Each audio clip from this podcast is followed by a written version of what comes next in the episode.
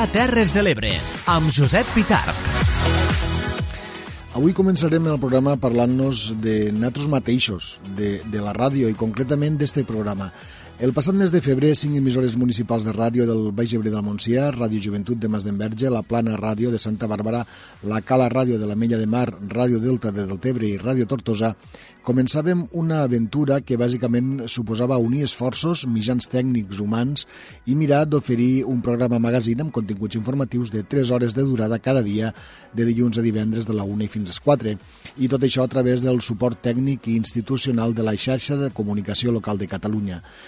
Avui, aquest divendres 28 de juny, coincidint justament amb el final de la primera temporada del programa, hem arribat al número 100. Durant estos programes s'han pogut dur a terme més de 400 entrevistes dintre de les diferents seccions i espais que tenen assignades cadascuna de les emissores, s'han elaborat al voltant d'unes 1.700 notícies exclusivament de les nostres terres, tant d'àmbit general com d'esports, i s'ha disposat de la participació de prop d'una setantena de tertulians i tertulianes diferents en l'espai El Cafè de la Tarda.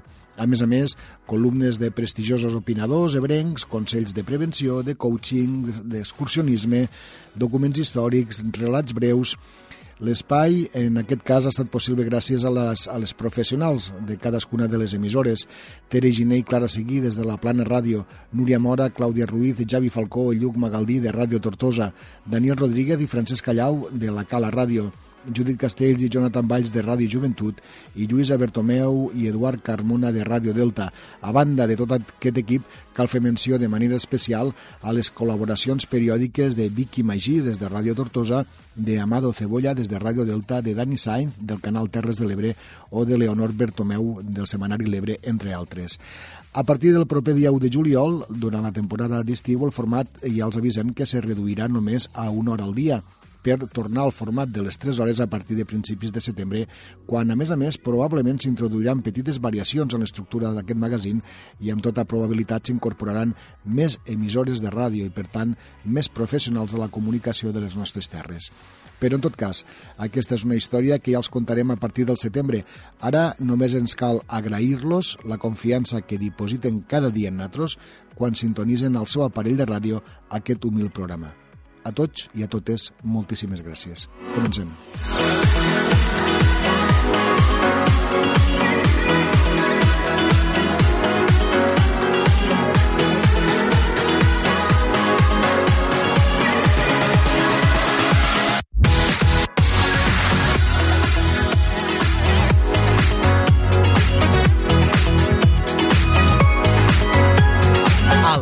Terres de l'Ebre, amb Josep Pitarc.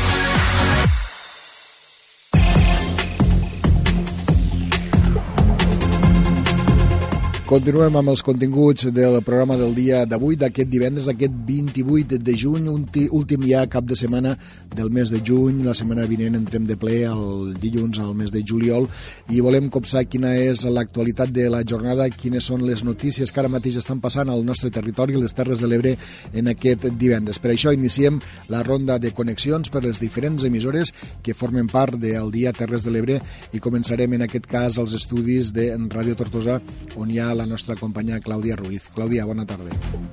Molt bona tarda i per molts més programes que, que puguem fer, eh? Així ho esperem, així ho esperem, Clàudia. Eh, quines són les notícies de la jornada?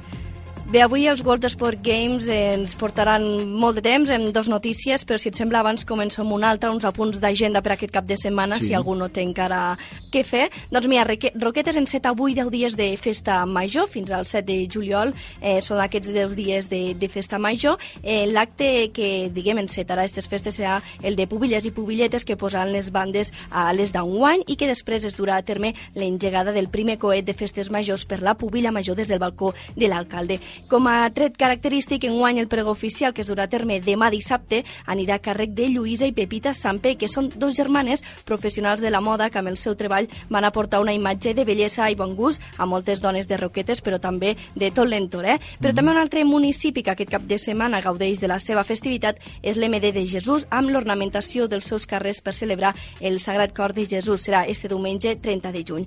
Com dèiem, tenim els World Sport Games a tocar. Sí. D'una banda us explicarem que amb l'objectiu l'objectiu d'evitar eh, l'ús de plàstic per a beure aigua i també fomentar el consum d'aigua de l'aixeta, doncs des del World Sport Games es repartiran als esportistes participants fins a 100.000 cantimplores. Són unes ampolles d'alumini reciclat d'una capacitat d'uns 440 mil·lilitres d'aigua i que s'entregaran a aquests esportistes el dia que arriben a la ciutat dintre del pack de benvinguda que a banda d'una bossa també s'inclou una tovallola de platja, un barret de palla i una camiseta. La proposta, per tant, ha estat impulsada per l'Ajuntament de Tortosa i Aigües de, de Catalunya.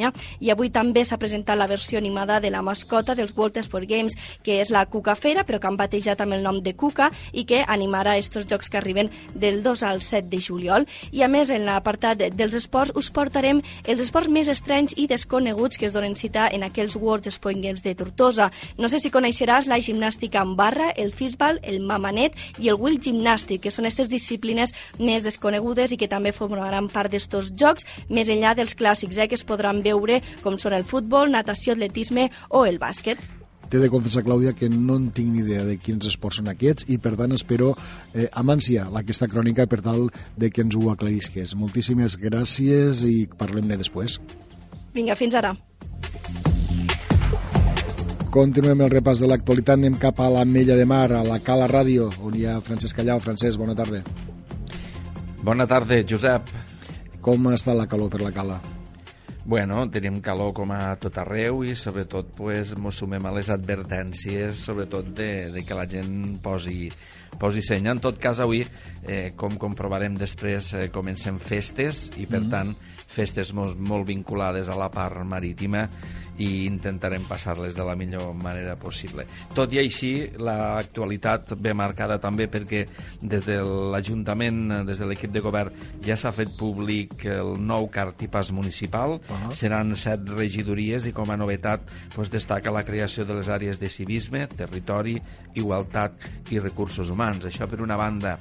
Per l'altra, l'ampolla aquest cap de setmana comença l'acte avui divendres, homenatge als deportats ebrencs als camps nazis. Mm -hmm. Diumenge es descobrirà un monolit eh, que recordarà l'ampollero Jaume Ballester, que va ser deportat a Daixau.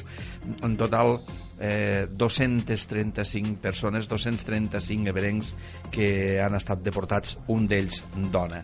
I en l'àmbit esportiu destaca també el fet que, bueno, que la Cala pareix que el primer equip, estic parlant de futbol, sí. pareix que hi ha certa normalitat després de l'enrenou de les darreres setmanes i que bueno, ja s'està començant a renovar un dels gruix importants de jugadors que pareixia que tenien reticències i algun algunes novetats també procedents d'altres equips a l'espera de saber si l'Ivan Romeu, que és l'entrenador al qual li han fet l'oferta, exjugador, excapità i exentrenador del futbol base de la Mella de Mar, pues accepta la proposta per seure a la banqueta de la Cala la pròxima temporada. Pendents, per tant, d'aquesta possibilitat, encara no confirmada, de que Ivan Romeu sigui l'entrenador de la Cala la propera temporada, i avui, Francesc, ens heu de portar de poble en poble, eh? Sí, perquè, com hem dit a l'inici de la nostra conversa, avui comencem festes, les festes d'estiu. Comencem Sant Pere aquí a la Mella de Mar. Aquesta nit hi ha rebella eh, musical al port, a la, davant de la confraria de pescadors, i no podíem fer altra cosa que parlar amb el president de la confraria de pescadors, Miquel Brull, que és, en aquest cas, el president de l'entitat organitzadora d'aquestes festes. Moltíssimes gràcies, Francesc. Pendents de tota aquesta actualitat i també de l'entrevista, en parlem eh, d'aquí un momentet. Moltes gràcies. Vinga, fins després. Continuem la ronda de connexions, en aquest cas cap als estudis de la Plana Ràdio a Santa Bàrbara, on hi ha la nostra companya Clara Seguí. Clara, bona tarda. Hola, bona tarda. Com estàs, molt Josep? Bé, molt bé, molt, bé? Molt, content, molt content per aquests 100 eh, programes gràcies a, sí. a la participació, evidentment, de, de, de tots vosaltres, però també, sobretot, al, a la confiança que ens fan els oïdors. Eh? I tant, déu nhi t'he de dir que una entradeta molt bonica, m'ha agradat molt. Moltes gràcies. I m'ha sorprès tant, tantes notícies, tants de números, no? Eh, sí, al final no te'n dones compte cada dia, però quan fas una recopilació i dius, ei, déu nhi això no està gens malament. Sí, hem generat moltíssim, així que superbé, estem de celebració avui. Vinga, i avui Vinga. un granet més, un granet més. Quines són les notícies que ens aporteu des de la plana? Us he de dir que ahir l'Ajuntament de Santa Bàrbara va realitzar la sessió plenària en la que van aprovar-se per unanimitat la creació i composició de les comissions informatives i permanents, així com la Comissió Especial de Comptes, punt que fou aprovat per unanimitat. La primera sessió plenària hem de dir que amb la nova corporació va durar poc menys de 30 minuts i s'hi van tractar diferents punts de l'ordre del dia que us, el, us els desvetllaré després. Us he de dir que ha arrencat bé el mandat perquè tota l'oposició van veure amb bons ulls la creació d'aquestes comissions. Molt bé, important Això això, per una que banda. hi hagi bon rotllo, eh, com se sol dir. Superbé, eh? per a començar, molt bé. Ja veurem després què passa. Eh?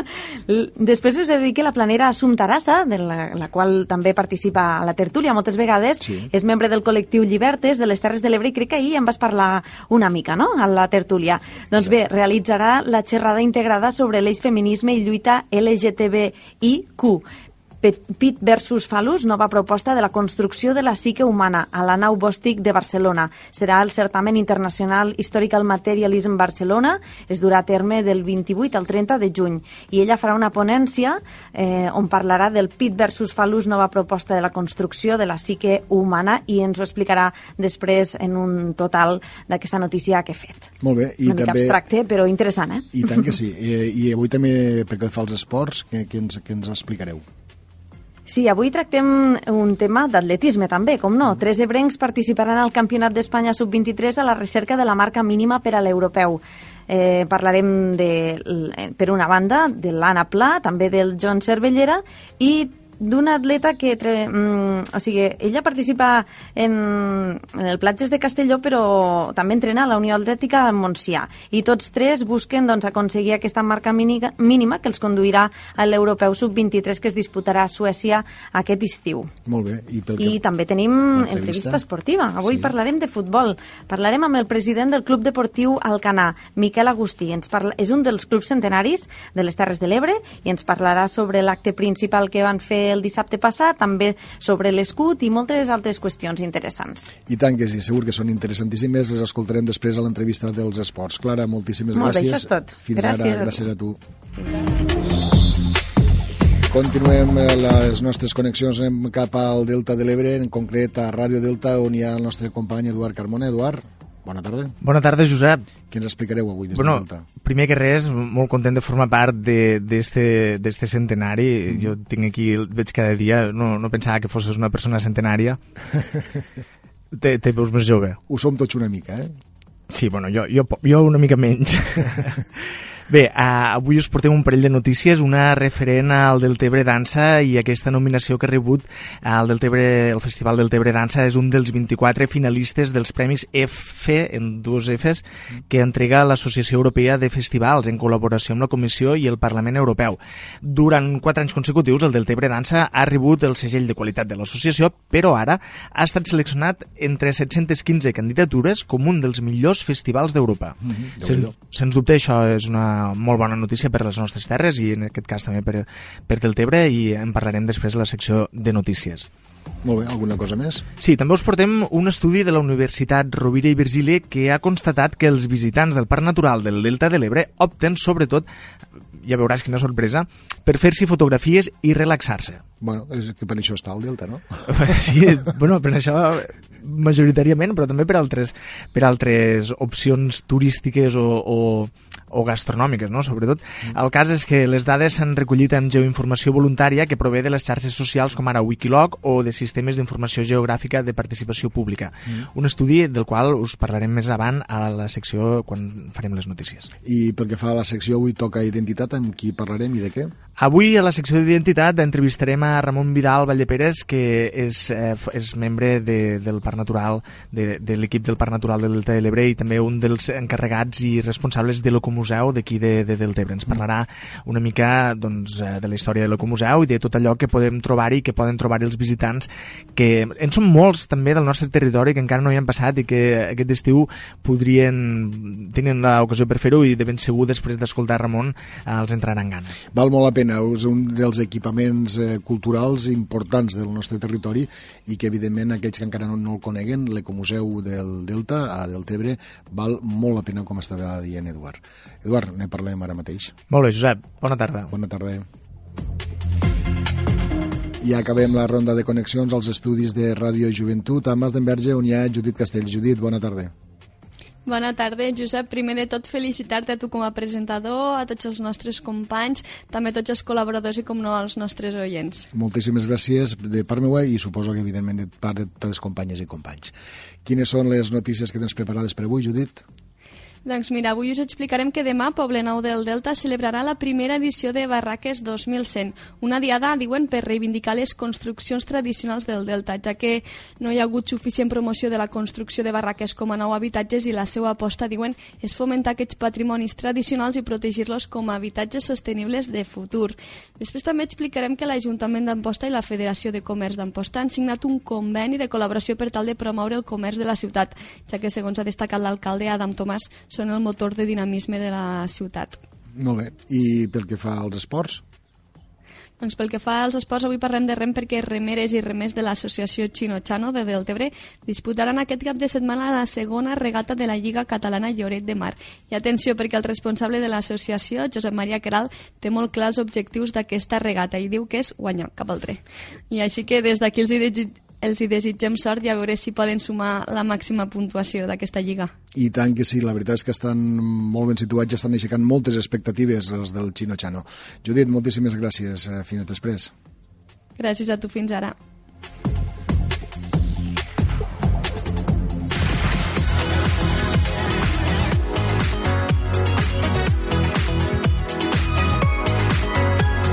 El dia Terres de l'Ebre, amb Josep Pitarc.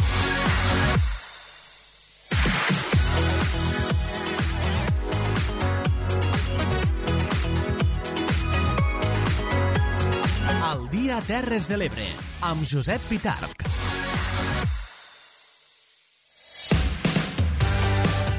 Passem ja a la part de l'entrevista. Dissabte, demà dissabte, a partir de les 11 del matí, es presentarà a la llibreria Alba, d'Amposta, el llibre Hay mensajes que no necesitan botella, de l'autora ampostina Laura Pla. El llibre ja ha estat presentat a diferents poblacions de l'Estat i està disponible des de Cantàbria a Guipúscoa, passant per Madrid o La Corunya, entre altres. La publicació ha anat a càrrec de l'editorial Círculo Rojo i consisteix en un recull de 50 microrelats de poesia, també d'imatges que ens apropen a temàtiques com la superació, la violència de gènere, el canvi climàtic, el mar, els cetacis, passions o l'amor. Laura Pla, Bon dia. Hola, bon dia. Explicar-los que Laura Pla acaba de traure la llum un llibre que serà presentat demà a partir de les 11 del matí a la llibreria de l'Alba, a Amposta, eh, i que eh, ara mateixa eh, ens explicarà una mica de què va, perquè, eh, Laura, mm, aquest llibre surt de, de dos passions teues, és així o no? Sí, sí, exacte surt de dos passions que al final les dues són des de que soc molt, molt, molt petita. Mm -hmm. Una és l'escriure, he escrit des de, des de que tinc aproximadament uns 4 anys, i després també la meu, el meu amor pel mar, mm -hmm. que també és de tota la vida. Llavors he juntat les dues passions i és així com ha sortit el llibre. Molt bé. Eh, I què podem trobar en aquest llibre? Mira, el llibre és de 50 poesies en forma de microhistòria, -huh. i són de temes actuals o de problemes actuals, tipus violència de gènere, canvi climàtic, també hi ha una mica d'històries d'amor, històries de superació personal, Llavors és poesia i fotografia, i és un llibre que combina les, les dues coses. Molt bé. Hay mensajes que no necesitan botella, és el títol del, del llibre, una publicació, per cert, que ha anat a càrrec de l'editorial Círculo Rojo, i, com deies, consisteix en, en una mena de microrelats a través de la poesia de les imatges, però també mm, amb, amb temàtiques que jo entenc que, que et són molt properes, no? Sí, exacte. La majoria, bueno, tots són històries reals, uh -huh. i tots són situacions que crec d'alguna forma o altra tots acabem passant i, i és per això que són bueno, pues, una mica personals al final. Eh, són personals i veig que utilitzes paraules com ara eh, sense alternativa, futur, lluny, unes paraules eh, que, que poden venir a introduir alguns dels temes de què tu tractes. Per, per què aquestes paraules? Clar, al final vols explicar una situació i sempre hi ha una paraula que s'identifica millor en, aquella, en aquell moment. Mm -hmm. Llavors, clar, al final t'han de ser títols, títols curts i que atraguen a la gent o que siguin una mica, que incitin una mica la curiositat. Dèiem al principi que el teu llibre ja està disponible bé, pràcticament a tot l'estat espanyol. Eh, sabem sí. que has fet ja algunes presentacions. Eh, me van dir que havies presentat fins i tot a, a Bilbao. Eh, demà dissabte presentes en posta. Mm, eh, Explica'ns una mica com ha anat tot el procés de, de creació de l'obra. Bueno, el procés de creació de l'obra va ser una mica més fàcil del que, del que m'esperava. Val contactar amb l'editorial en seguida els va agradar, els va agradar la idea. Mm -hmm i també pel fet de que sigui al final un llibre solidari. Llavors, el, el moment de maquetació, de disseny, va ser una mica llarg, però després, una vegada ja ha sortit, s'ha distribuït molt ràpid, a les llibreries ha tingut bona acceptació, i també a Bilbao. A Bilbao va anar molt bé, va ser la primera fira que, que vaig estar i també molt bona acollida. Així que, bueno, en principi ja ha anat tot bé, ja veurem. Eh, diem que, ho estaves apuntant, és un llibre eh, també que vol ser solidari. De fet, ets voluntària sí. de l'ONG CICEFER, que es dedica sí. a la conservació del medi marí, eh, i justament a través del llibre vols, vols recollir fons no?, per a aquesta ONG. Exacte, sí, sí. Fa molts anys que estic amb, amb aquesta ONG i m'he donat compte de que falten molts recursos, tant recursos materials com humans, i una mica així per al que pugui tirar endavant totes les campanyes, tot i que ja és una ONG molt internacional i hi ha molts diners ficats, uh mhm. -huh. tot i així encara falta. Llavors vaig pensar que era una bona forma d'apropar a la gent esta ONG i el, totes les activitats i campanyes que fan, i també la poesia. Molt bé. Llavors vaig voler digues, digues. tot. Eh, a què es dedica la ONG concretament? Sí, la ONG el que fa és conservar el mar i les seves espècies, llavors el que, el que fa tenim un equip de terra i un equip de mar. L'equip de terra es dedica a fer neteges de platges, de fons marins amb bussejadors, també en representació a fires, venda de merchandising, per a recaudar diners per a les campanyes. Les campanyes són diferents vaixells que hi ha al mar arreu del món i es dediquen directament amb acció directa a les campanyes, per exemple, per protegir a les illes Feroe, que hi ha la matança de cetacis, oh, també la captivitat de, dels dofins a, al Japó, protegir les tortugues al mar Mediterrani. Llavors hi ha com diferents campanyes que fan al nivell del mar. Llavors jo ara mateix estava a nivell de terra recaudant diners per a vaixells, per a tot el que és manteniment, el menjar, tot el que es necessita per a poder fer les campanyes mm. i a finals d'any ja aniré amb una campanya al mar. I on aniràs exactament? Aniré a Itàlia, llavors la zona per temes de, de seguretat no ens deixen, no ens deixen explicar-la, ah. però bueno, al final és un, és un parc natural que, que està protegit, llavors és anar allà i juntament amb la Guàrdia Costera d'allà es protegeix la zona. Eh, per tant, te tocarà mm, tirar-te l'aigua, te tocarà mm, submergir-te i, Exacte. Bueno, ho trobo, la veritat és que ho trobo eh, fantàstic, no? I, I, per tant, mm, com a membre d'esta ONG, eh, que ja fa molt de temps que tu estàs col·laborant i que, a més a més, ara participaràs de forma molt més directa amb aquesta actuació que, que dureu a terme a, a, a Itàlia, com dèiem, a través d'este llibre el que també pretens és, a banda de, de, bé, de, de mostrar, de publicar alguna cosa tan íntima, tan personal teua, el que també al final se, pretén és recaudar diners per a aquesta ONG. Exacte, sí, sí, sí. La, la motivació, a part d'escriure i publicar, va ser, va ser esta, perquè vaig pensar que seria una forma original i xula de, de poder recaudar fons. I així també al final incentives una mica el que és la lectura als mm. joves i així a la gent. Llavors, clar, tot el que recaude amb els llibres, tot va cap a la ONG. Per cert, eh, és preocupant la situació en què es troben els nostres mars i oceans?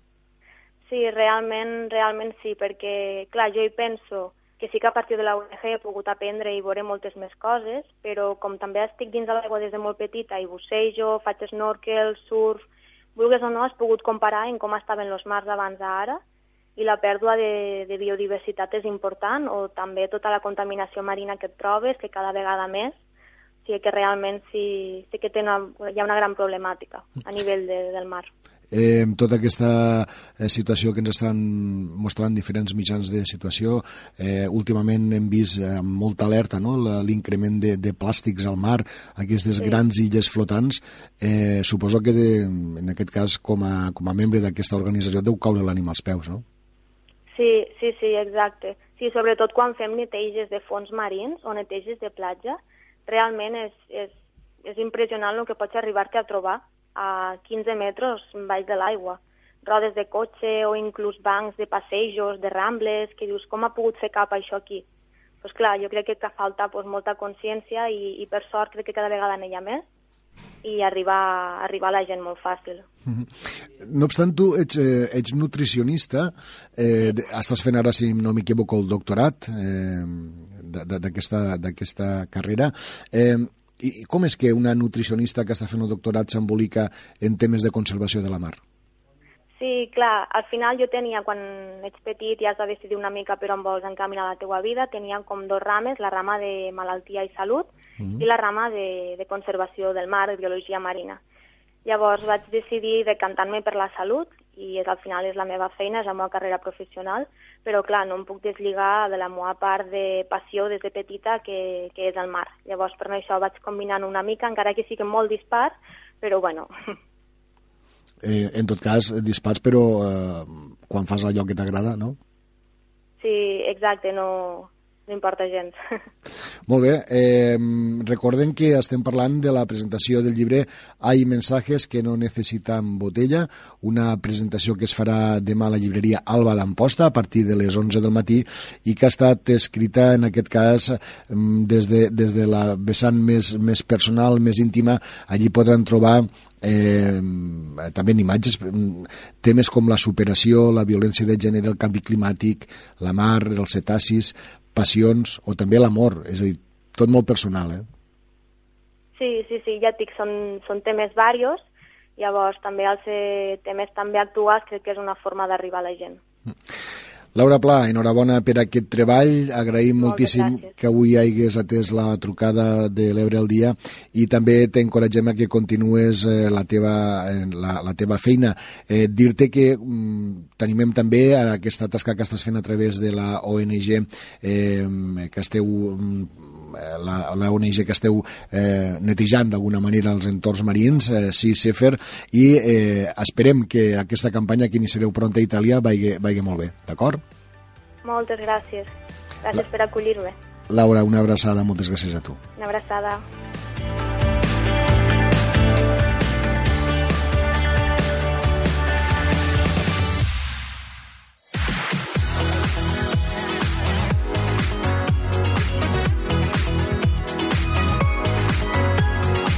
Dia a Terres de l'Ebre, amb Josep Pitarc.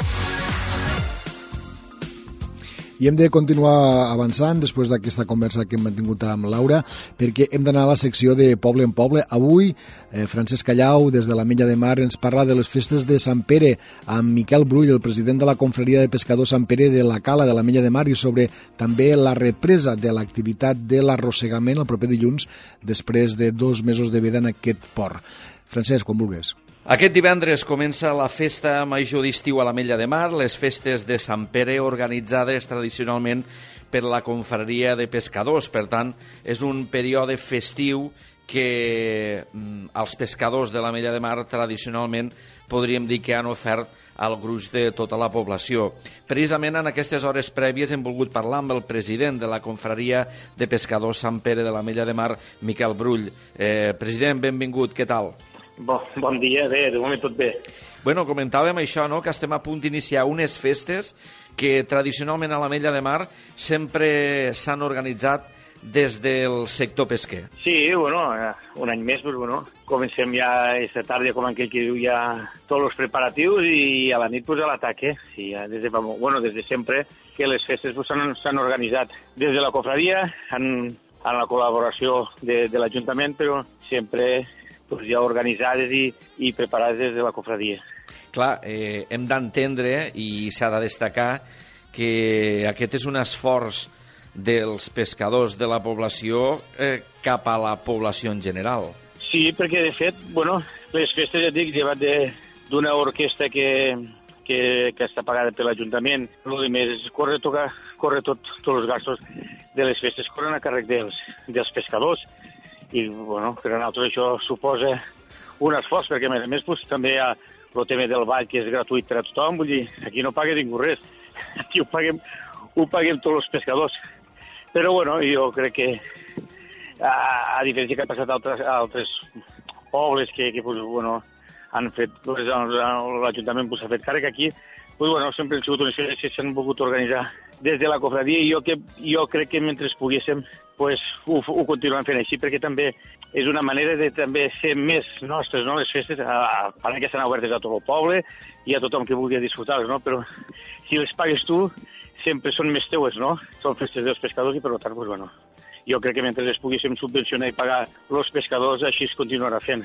Eh, no sé si al, al poble hi ha prou mentalització d'aquest aspecte, és a dir, que, que és un, diguéssim que és un detall del sector pesquer perquè tota la gent, diguéssim, de la població, turistes, gent que ens visita durant aquests dies, puguen gaudir d'uns dies festius que a la vegada també han anat evolucionant, no? Perquè abans pràcticament tot estava tancat i participava tot el poble. Ara és difícil que, a excepció dels dies que cauen eh, molt en festiu, doncs puguem veure comerços tancats i puguem veure aquesta gent que treballa en els comerços i pugui acabar participant de ple en les festes. Potser inclús la gent del poble, potser tampoc no és conscient de... Perquè el que està clar és que això per la cofradia i pels pescadors és un, és un esforç que fem amb el tema de les festes i, i, de, i, de, i, de, i dels diners que ens costa, no? Nosaltres podem arribar a i rebem i, i, i pel que tenim, pues, intentem fer-les el millor que podem i obertes a, a tothom. I clar, a vegades sí que potser et sentes una miqueta, no? Potser desenganyat de dir, xe, no mos ho reconeix ningú, no? Són festes dels pescadors, les acabem pagant naltros, doncs ja dic, amb la col·laboració que ens dona l'Ajuntament, evidentment que d'això també pues, estem agraïts no? per part de, de la cofradia, l'Ajuntament, però bueno, pues, la gent que vol participar, participa. Jo crec que, que cada vegada la gent potser participa més i, i se'n dona compte de que les festes les hem de salvar la gent, la gent del poble, no? La, la, la participació de la gent fa que les festes continuen o no, o no continuen, perquè som els que som. Vull dir, si la gent no col·laborem i no participem, les festes s'acaben s'acaben acabant, no? Les festes de Sant Pere, com podien ser les festes de la Candelera o les festes de qualsevol poble. Per tant, jo crec que la participació de la gent és important.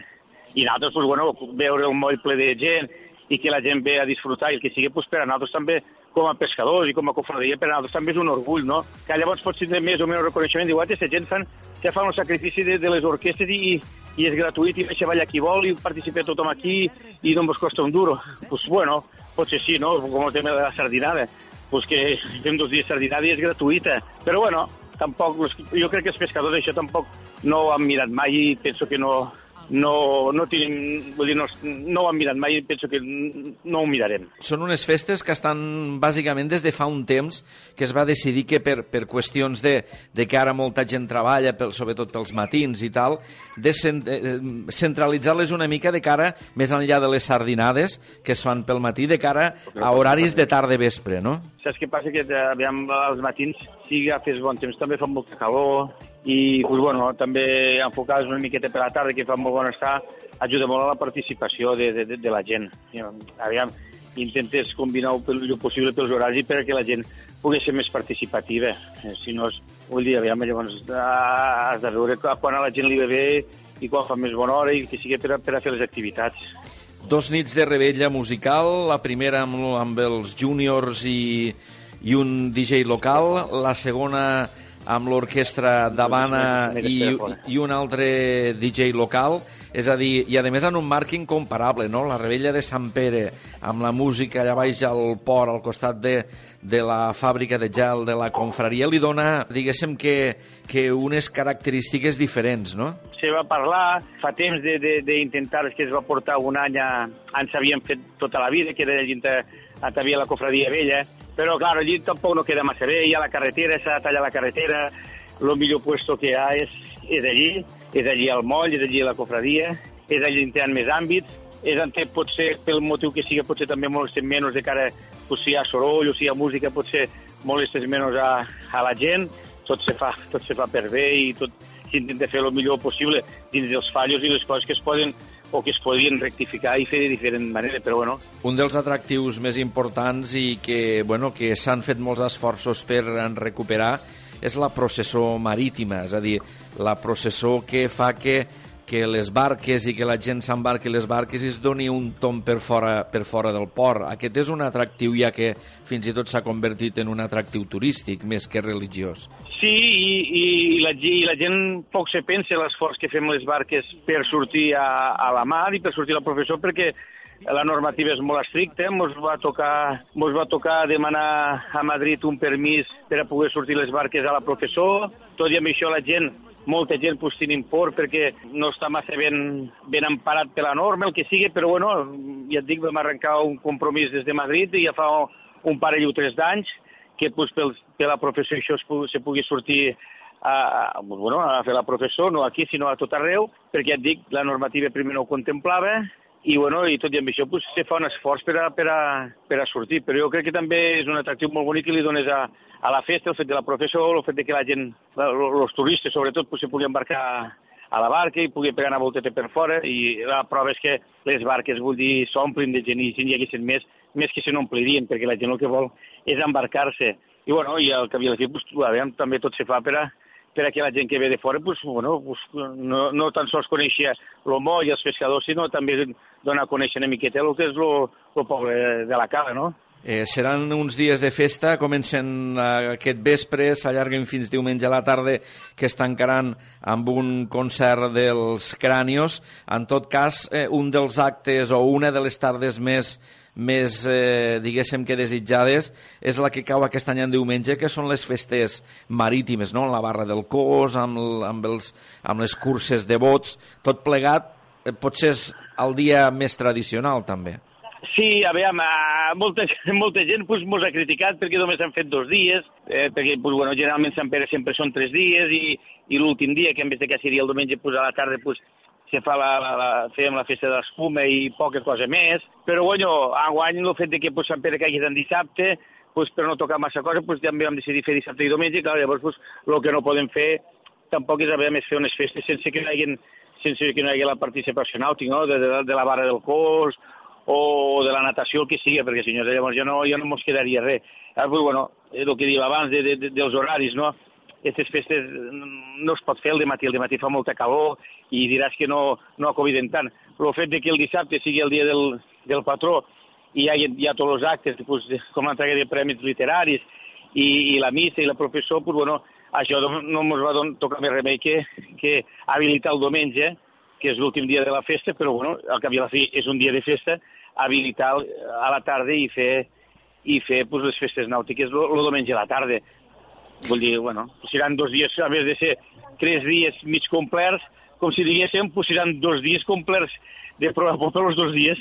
I, a més, en aquests darrers anys coincideix que, pels motius de que una part del sector pesquer eh, fa l'aturada biològica o fa la veda, coincideix que automàticament després de les festes la gent eh, enganxa la temporada de pesca al sector de l'arrossegament. Per tant, diràs que les festes són eh, un punt i, i, i a part d'aquests dos dies que el sector ha estat, ha estat aturat en part. Sí, bueno, és, és, diràs que sigui el trencament de, de, de la veda, no comença a pescar, no? Són els dos dies de, de reflexió, no? com, si, diri, com si diguéssim, per a, per a començar la, la temporada al sector de l'arrossegament, pues, bueno, també, també va bé la barca ja, ja queda aparecada el, el divendres, tot armat el divendres, i llavors fins dissabte i diumenge, pues, per a treure't una miqueta les, les cabores del cap, i el dilluns a la matinada, pues, a, en aquest cas en el sector de l'arrossegament, pues, a l'atac i començar un, una nova temporada.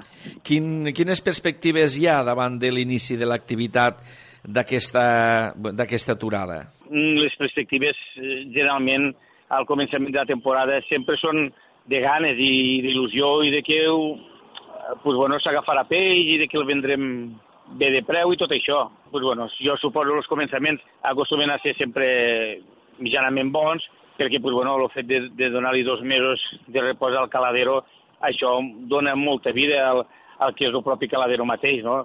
Dos mesos, tota la flota, pràcticament és tota la flota de la província, llevat la part de la ràpita, que la farà a partir de l'1 de juliol, i tot això és un repòs, és un repòs molt considerable, que això jo crec que és a, a base d'anys d'anys i d'anys, m'ho hem donat compte, i inclús l'administració n'ha donat compte, que aquestes vedes donen el seu fruit i, que són, i que són profitoses. El que hem de fer i el que estem fent és, a part de, de donar-li un valor a la veda a nivell de recurs, també li hem de donar un, un valor a nivell econòmic, o sigui, hem de fer una veda econòmicament estable i, i bona. Jo crec que això també ho, ho estem aconseguint. El fet de, de, de repartir la veda de la província de Tarragona en dos fronts, nord i sur, això crec que també la veda eh, també és molt rentable de, de, de cara al sector a nivell de, de, de, de la recuperació, que és el més important de, de, del caladero. Miquel Brull, president de, de la confraria de pescadors Sant Pere de la Mella de Mar. Moltes gràcies i, bueno, i molt bones festes. Molt bé, ha de disfrutar tothom i com més gent vindrà, millor per a nosaltres. Vinga, gràcies. Miquel Brull, president de la confraria de pescadors Sant Pere, avui amb nosaltres a la secció Poble a Poble de Al Dia davant l'inici, ja pràcticament d'aquí a poques hores, de les festes majors de Sant Pere i, recordem, a partir de dilluns, que el sector de l'arrossegament, que ha estat aturat aquests dos darrers mesos, torna a l'activitat pesquera.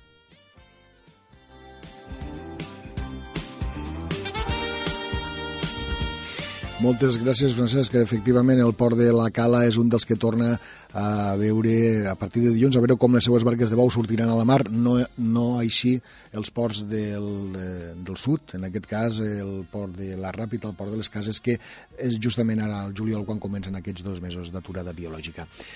Més qüestions, nosaltres hem de continuar parlant de temes i ara anirem cap a la secció d'identitat.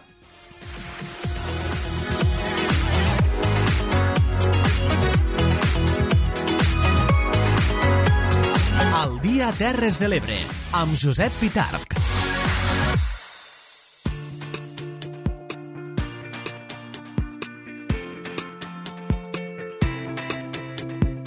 I efectivament, tal com els comentàvem, avui és divendres i per tant hem d'encetar la secció d'identitat i que cada divendres ens han estat apropant les companyes i els companys de Radio Delta. En aquest cas, avui hem de parlar d'un equipament, d'una infraestructura eh, jo diria que de les més destacades del nostre territori, com és eh, l'Ecomuseu del Delta de l'Ebre.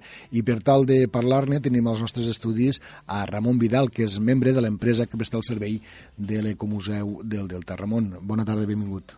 Hola, bona tarda, encantat. Moltes gràcies per atendre la nostra invitació. Mm, i posem-nos una mica en la tessitura eh, que algú, no, per desgràcia, no conegui l'Ecomuseu del Delta de l'Ebre. Què és l'Ecomuseu? Mireu, l'Ecomuseu eh, en si, com el terme diu, és un, un centre, un equipament, és un museu. No? Per tant, com a tal, és un espai on se mostra alguna cosa. En aquest cas, és l'Ecomuseu, el centre d'interpretació, podríem dir, és el museu del Delta de l'Ebre. Mm. És un equipament eh, del Parc Natural i que el que intenta fer és mostrar els valors tant naturals com humans, culturals, del propi delta. Molt bé. I mm, al final, en, en, com a museu, per tant, eh, hi ha una exposició, hi ha unes sales, hi ha, hi ha un relat que voleu oferir. Quin és l'objectiu de l'Ecomuseu? Mireu, eh, hem començat dient que és un museu, mm. si més no perquè el nom ho diu, però podríem dir que és un museu atípic, no? Ara mateix, és clar, hi ha unes sales, unes exposicions, i és cert, n'hi ha algunes, però defuig una mica d'aquest concepte més clàssic de, de museu, malgrat molts comencen a reactualitzar-se a nivell didàctic, però el propi ecomuseu eh, hi han espais que estan a l'interior que podríem assimilar més a un concepte, com dia, eh, clàssic de museu, però hi ha també tot un recorregut per fora, hi ha una recreació i, per tant, podríem dir que l'ecomuseu és com un delta en miniatura i en viu. Eh? que el que pretén, és una mica el que diem això, és oferir al visitant, sigui de la zona Eh, de les Terres de l'Ebre, del Delta o de fora, visitants, turistes que ens venen d'arreu de, de Catalunya, de l'estat espanyol, d'Europa o del món, eh, donar a conèixer el que és el Delta, eh, mm. què hi ha, com funciona, què és el que es trobarà. Per tant, acaba sent una eina didàctica que serveix per als visitants poder aprofitar molt millor el que és la visita al, al Delta. Mm. Per tant, com a eina didàctica i centrant-nos en el Delta, suposo que al final podràs trobar des de, no sé, des de barraques hasta, hasta fauna i flora, no?, d'alguna manera. Sí. A veure, tenim des de... Mira, la visita comença, evidentment, al centre de recepció de visitants, eh, que està ubicat dins el que és la, bueno, un mas, eh, un mas típic, tradicional de casa nostra. Allí lo visitant quan arriba es troba el punt d'informació, bueno, hi ha una agrobotiga també, etc. Llavors, la visita pròpiament dita comença al, prim, primer pis. Allà hi ha una exposició que la podríem assimilar més a, bueno, al, al, el clàssic plafons explicatius sobre diferents aspectes del delta, des del seu origen, l'evolució, la seva formació, fins quins ecosistemes naturals o humans hi ha, les pròpies activitats socioeconòmiques, l'arròs, la pesca, la caça, la sal, etc, i les pròpies funcions i atribucions del parc. I des d'allí ja sortim a l'exterior. I allà hi ha un itinerari eh, construït una mica al voltant de la representació del riu Ebre i de tot allò que a partir d'ell deriva. I ens trobem des dels conreus, des d'horta, fruiteràs, però, òbviament, el més específic és l'arròs. Mos trobem eh, edificis en format barraca que acullen exposicions, per exemple, el, del propi arròs, tal com es feia abans de la irrupció de la maquinària pesada, fins allà als anys 60 més o menys. Hi ha una altra barraca dedicada a la pesca, la pesca continental. Eh, en aquest cas, no per entrar eh, o no entrar en conflicte, per exemple, en el que és el Museu de la Mar de la Ràpita, perquè no existia ni hi havia projecte, però es va pensar que segurament el tema de la pesca a la mar és un tema que es tracta a altres llocs, però el que és la pesca continental eh, no, i és molt rica i molt ancestral, el que és la pesca al riu i a les basses, doncs hi ha una part dedicada a això. Mm Eh, hi ha també la representació d'una bassa, d'una bassa del Delta, evidentment de dimensions relativament reduïdes, evidentment, perquè després se tracta de que la gent surti a fora i les veia in situ, i també hi ha l'edifici central que són uns aquaris que mostren la fauna aquàtica del Delta, aquella que habitualment no podem percebre quan anem visitant el Delta, però que és molt important, eh? perquè normalment quan visitem el Delta i si parlem de fauna la gent sobretot ve a veure moixons, ocells, però hi ha una fauna molt rica a les aigües del delta, des d'amfibis, rèptils, peixos, òbviament. I mamífers, eh, de, Sí. de, de, Uh -huh. per sort tenim de tot i tot bo, eh? Sí, bueno, ja, ja Ah, ah.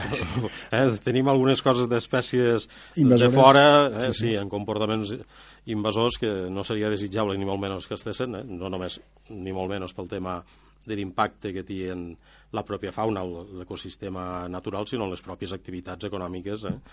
l'arròs, la pesca, etc. No? Te, te, te dia aquest comentari una Sí. mica en doble, en doble intenció, eh? Sí. Això de que tenim de tot i, i Sí, bo. sí, per això deia jo que no tot és bo, però bueno, eh, tenim el que hi ha. Eh, dintre d'estos objectius didàctics, no?, d'ensenyar de, de, d'ensenyar aquest delta en miniatura per a que justament després la gent surti com agafa l'autobús, el cotxe, la bicicleta i, i es perga pel delta, no?, i, i, i gaudeixi de, de, del que és el delta de l'Ebre, mm, suposo que dintre del vostre target de públic potencial, evidentment està el públic eh, infantil eh, en quant a visites eh, escolars, no?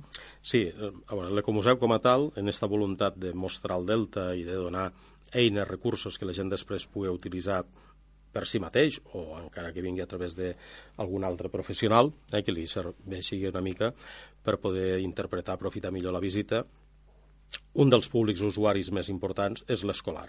Mm. El que passa que l'escolar va des d'educació infantil, des dels més minuts, fins a universitats, i tant del propi país com a estrangeres. Eh? Vull dir que el ventall és, és molt ampli, però el món escolar és molt present. Eh? Eh, És cert que dins d'aquest gran ventall potser el que és cicle inicial, ai, perdó, cicle mitjà superior de primària i el que és l'ESO són els que venen més. Eh? I, i solen ser, eh, en aquestes edats, suposo que més de- d'aquí, no? Mira, eh, si són molt minuts, molt minuts, sobretot són del delta o de, les, eh, de l'entorn immediat, eh? perquè normalment no, no fan llargs desplaçaments. Si parlem ja d'educació primària, la immensa major part són de Catalunya i, per tant, això significa Barcelona i àrea metropolitana, eh, que és on hi ha més població, hi ha més població urbana i, per tant, que han anat perdent una mica la connexió amb el món natural també i, i, i curricularment els, i està molt bé de poder lligar el que treballen a classe en la realitat, de veure que allò no és només eh, paper o audiovisual, sinó que existeix. Eh, i venen menys, però de tant en tant també venen des del País Basc, Madrid, Comunitat Valenciana Aragó, també ens en venen. Mm. Eh, I pel que fa als visitants eh, a títol individual, familiar, eh, parella, fills, eh, crios, uh -huh. mm, me comenteu que també eh, hi ha bastant de públic eh, internacional, en aquest cas. Sí, ens ve, mira, a, a nivell escolar, repescant això, mm. tenim, per exemple, també escolars eh, de fora, la immensa major part francesos, que estan diversos dies aquí, i és més, que no només a part, evidentment, de visitar l'Ecomuseu i visitar el Delta, també fem irrupcions a la zona interior de les Terres de l'Ebre, sobretot als ports, eh, com a actiu, bueno, l'altre parc natural que hi ha.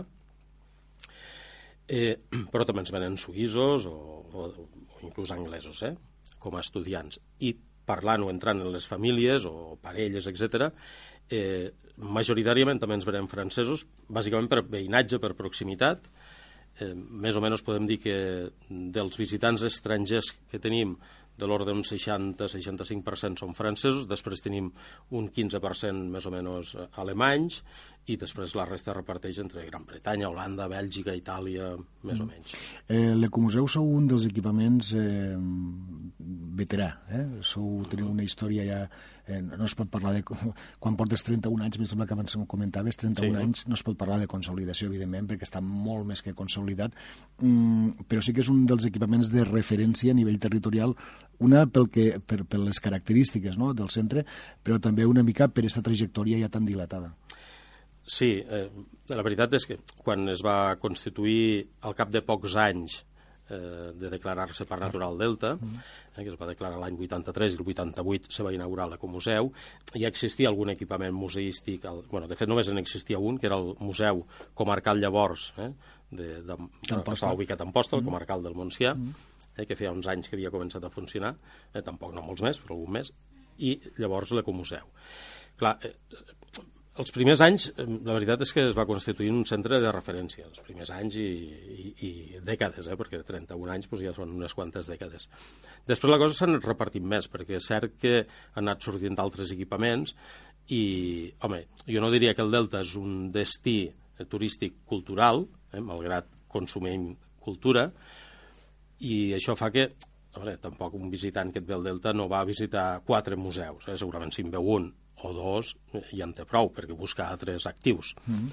Per tant, eh, hem passat d'atendre un volum de gent molt i molt gran, potser 60-70.000 visitants anuals, potser hem passat a uns 30, perquè s'han anat constituint des de molts altres equipaments museístics o també oficines d'informació municipal que donen cobertura i que fa 20 anys enrere potser gairebé no n'hi havia, no? En tot cas sí que podem mm -hmm. dir que és un dels degans eh, de, en quant a equipaments culturals de les nostres terres, Ramon Vidal, membre de l'empresa que presta el servei a l'Ecomuseu. Uh -huh, sí. T'agraïm moltíssim que avui ens hagis acompanyat i que ens hagis permès conèixer una miqueta millor aquest importantíssim equipament cultural que és l'Ecomuseu del Delta de l'Ebre. Moltes gràcies.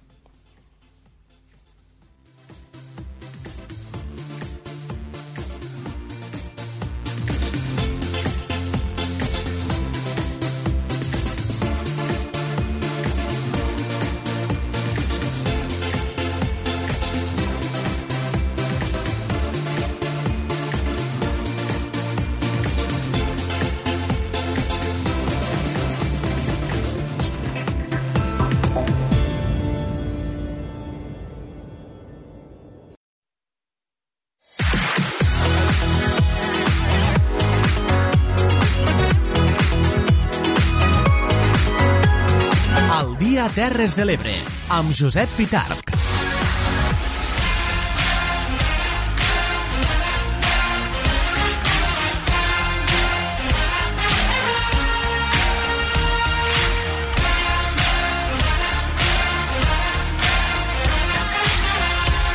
Al dia, els esports de les Terres de l'Ebre.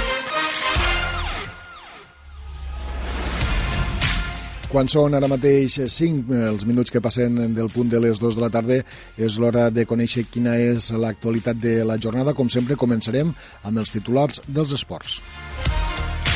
Els esports més estranys i desconeguts es donaran cita als World Sport Games de Tortosa. El patinatge de l'Aldea estarà present als World Roller Games de Barcelona a partir del proper 4 de juliol. La cala pendent de la resposta d'Ivan Romeu a la banqueta. Diumenge tindrà lloc la desena edició de Bogam per l'Ebre. Dos tripulacions de l'associació Chino-Chano de Deltebre disputaran aquest cap de setmana la segona regata de la Lliga Catalana. I també destacarem que tres ebrencs participaran al Campionat d'Espanya Sub-23 a la recerca de la marca mínima per a l'europeu.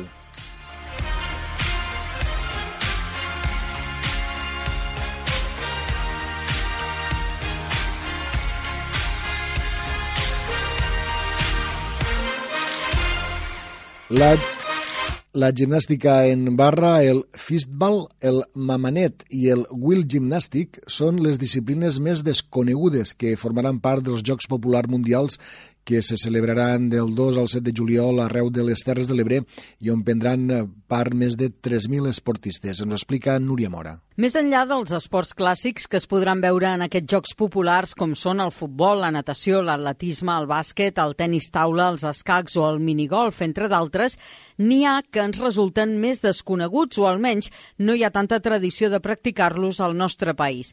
Aquest és el cas del pole dance o gimnàstica en barra, el fitsball o joc de la pilota, el mamanet i el wheel gymnastics, també conegut com la gimnàstica en roda. El pole dance, que es farà a Deltebre, és un esport que es practica amb una barra metàl·lica vertical i on l'atleta ha de realitzar una sèrie de moviments coreogràfics corporals al ritme de la música. En canvi, el fistball, que tindrà lloc a Roquetes, és també conegut com el germà petit del voleibol. Té el seu origen a l'antiga Roma i s'hi juga en un camp molt més gran que el voleibol normal. Hi juguen cinc jugadors i cada equip disposa de tres tocs per jugada. El punt acaba quan la pilota bota fora del camp o quan fa més de dos vots dins del camp de joc. La pilota també pot fer un vot a terra entre els diferents tocs dels jugadors. D'altra banda, trobem el mamanet, que es veurà a la ràpida. També és una versió del voleibol i s'ha convertit en tot un esport exemple a Israel. Creat per mares i dones mentre esperaven per recollir els seus fills a les escoles. És un joc molt més senzill que el voleibol, amb menys regles i més fàcil de jugar, que necessita el mateix camp i material que el voleibol indoor. I finalment, el Wheel Gymnastics o gimnàstica en roda que és un dels esports més espectaculars que es podran veure en aquests World Sports Games i que es farà a la ciutat de l'Ampolla. Consisteix en realitzar diferents moviments dins d'una roda metàl·lica gegant i on es puntua la part tècnica i artística de cada execució i dels World Sport Games als World Roller Games, ja que els, eh, el patinatge de l'Aldea eh, participarà en aquesta cita. La primera de l'any passat es va celebrar a la Xina i enguany arriben aquests jocs, com dèiem, a Barcelona, on l'ebrenca Núria Gas del Club Patí l'Aldea vol continuar obrint-se camí en l'èlit mundial del patinatge. Cal recordar que Núria Gas és la tercera, actualment, la tercera millor patinadora sènior d'Espanya i una de les millors del món, donat que a la Copa d'Alemanya, que és una una competició internacional que pot considerar-se com la prèvia del Campionat del Món, va quedar vuitena. La patinadora de l'Aldea és una de les màximes esperances del patinatge de, la nostra, de les nostres terres. Per altra banda, el grup també de Petit Show de l'Aldea repetirà a Barcelona el seu excel·lent treball que tan bons resultats els ho ha donat, el Without the Sun, amb qui han aconseguit, entre altres guardons, la medalla de bronze als campionats d'Europa d'enguany. Without the Sun ensenyarà les virtuts artístiques de les patinadores de l'aldea, com dèiem, als World Roller Games.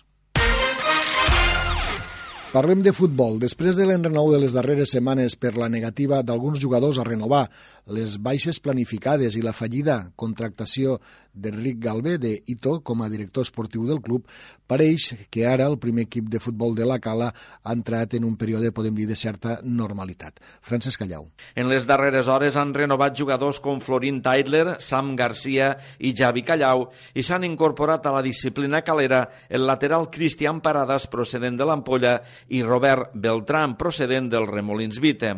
La previsió és incorporar un porter, un migcampista i un punta per completar una plantilla que ara, amb la incorporació d'Enric Busquets procedent del juvenil, és de 15 efectius. El club està pendent ara de la resposta d'altres jugadors i sobretot de l'oferta que van fer a Ivan Romeu, exjugador i capità de l'equip i exentrenador del futbol base de la Mella de Mar, perquè es faci càrrec de la banqueta calera. Ivan Romeu ha de decidir entre l'oferta calera i una interessant proposta del futbol base de l'Escó. Parlem de rem perquè l'associació Xino-Xano de Deltebre disputarà aquest cap de setmana la segona regata de la Lliga Catalana, tant en categoria masculina com femenina. Judit Castells.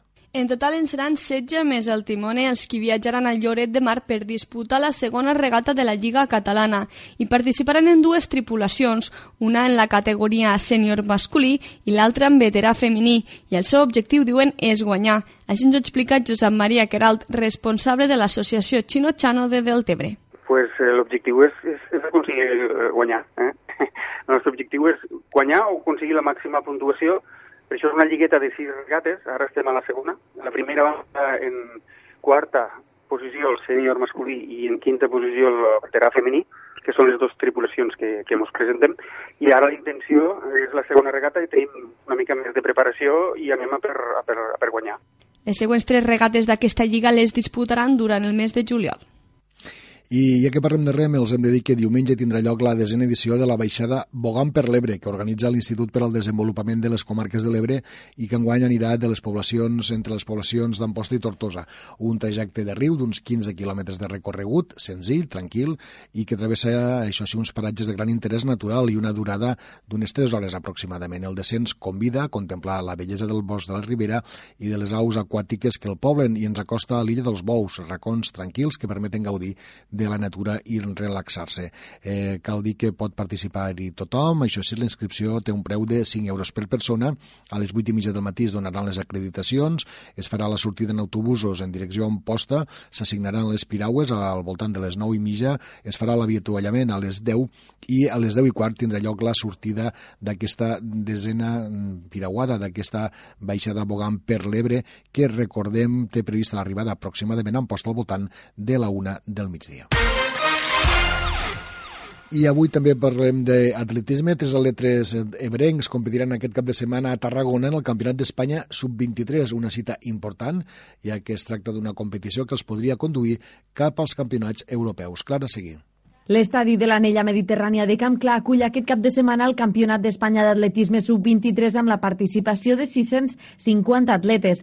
Serà la quarta ocasió que aquesta cita se celebra a Tarragona després de les edicions del 1987, 1993 i 2016. La competició tindrà com a gran al·licient per als participants que es tracta de l'última oportunitat per aconseguir la marca mínima que condueix a l'Europeu Sub-23 d'aquest estiu que se celebrarà a Suècia, a més dels títols i les medalles en joc. Entre els participants participants en aquest campionat d'Espanya sub-23 figuren tres ebrencs, l'Anna Pla, el martell femení i Joan Cervellera a la perxa masculina, els dos membres de la Unió Atlètica Montsià. També hi serà l'ebrenca Meritxell Benito del Platges de Castelló, qui entrena també amb l'entitat del Montsià.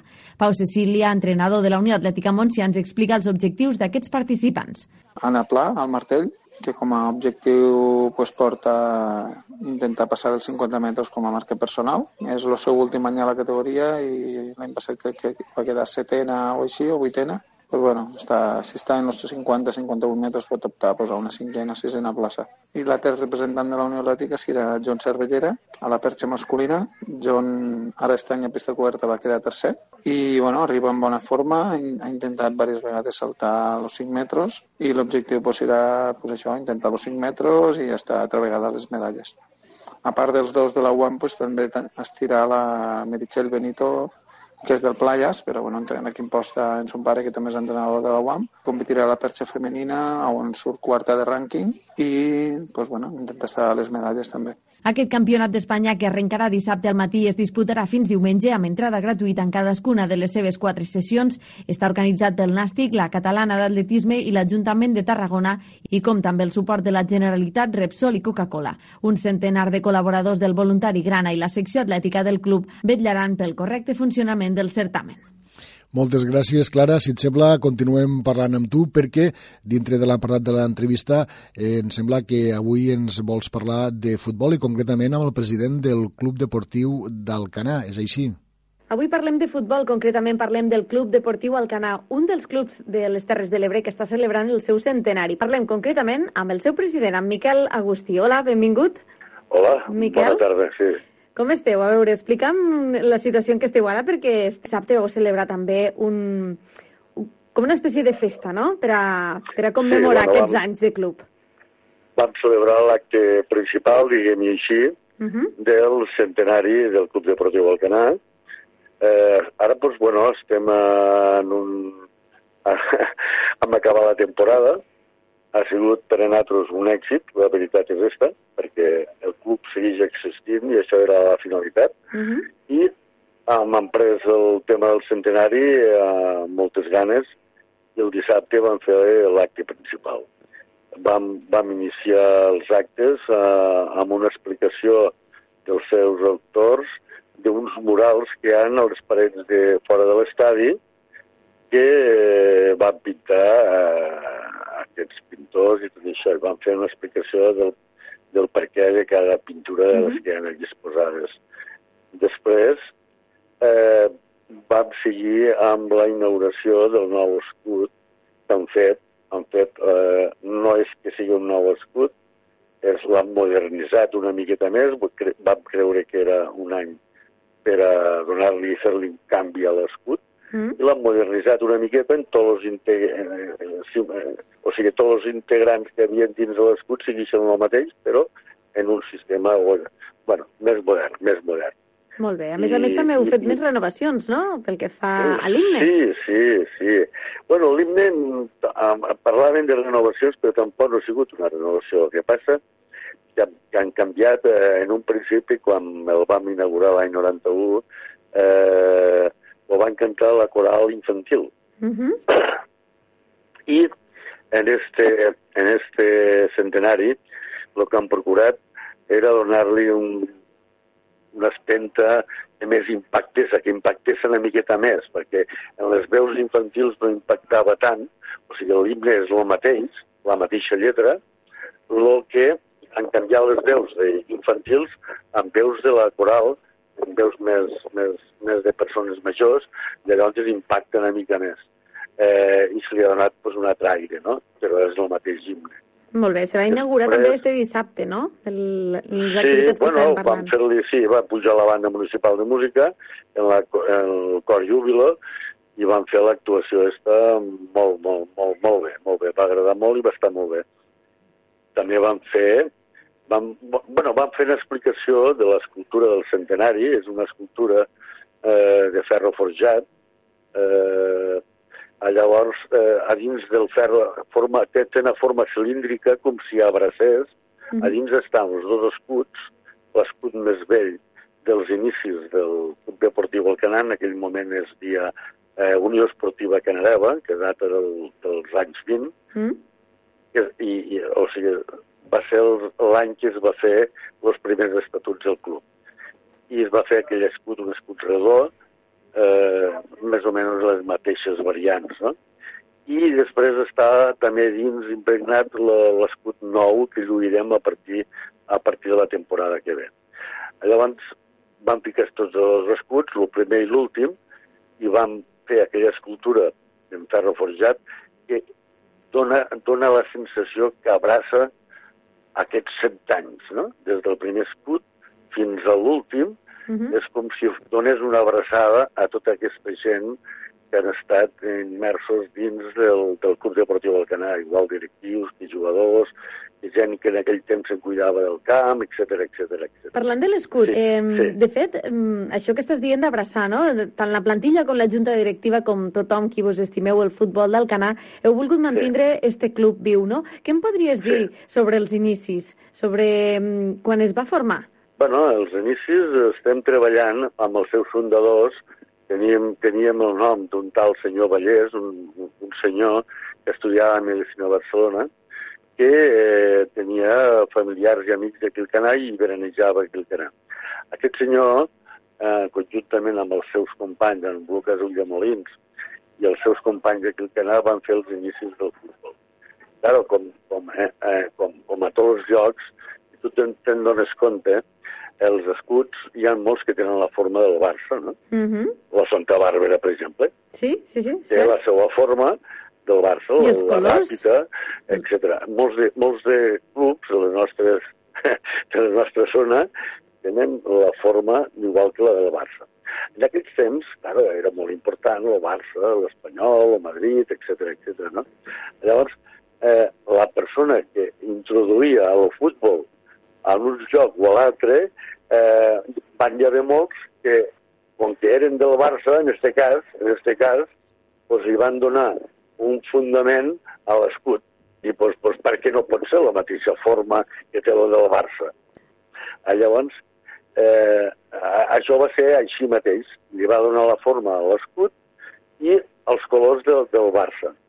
Ah, llavors, lo, la, la part interior, lo que, la, la bandera catalana, està les quatre, la senyera, està eh, les canyes, en aquell, en aquell moment les canyes és un, és un tema de, de, de principis de la població del Canà, que es diu el Canyà, Mm -hmm.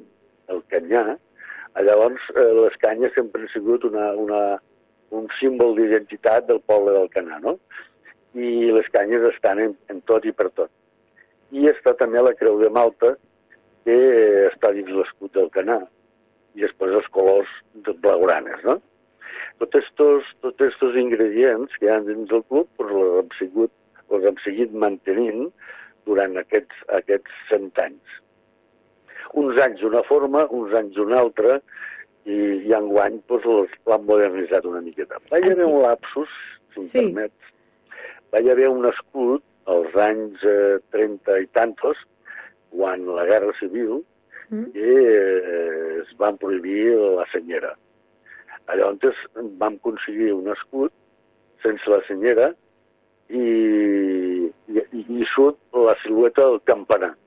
Mm és curiós, no? Sí, molt curiós, però claro, bé, en aquella època ja se sap. Temps de, temps de Franco, llavors, tot el catalanisme i tot això, tot estava completament prohibit, alerta que venen.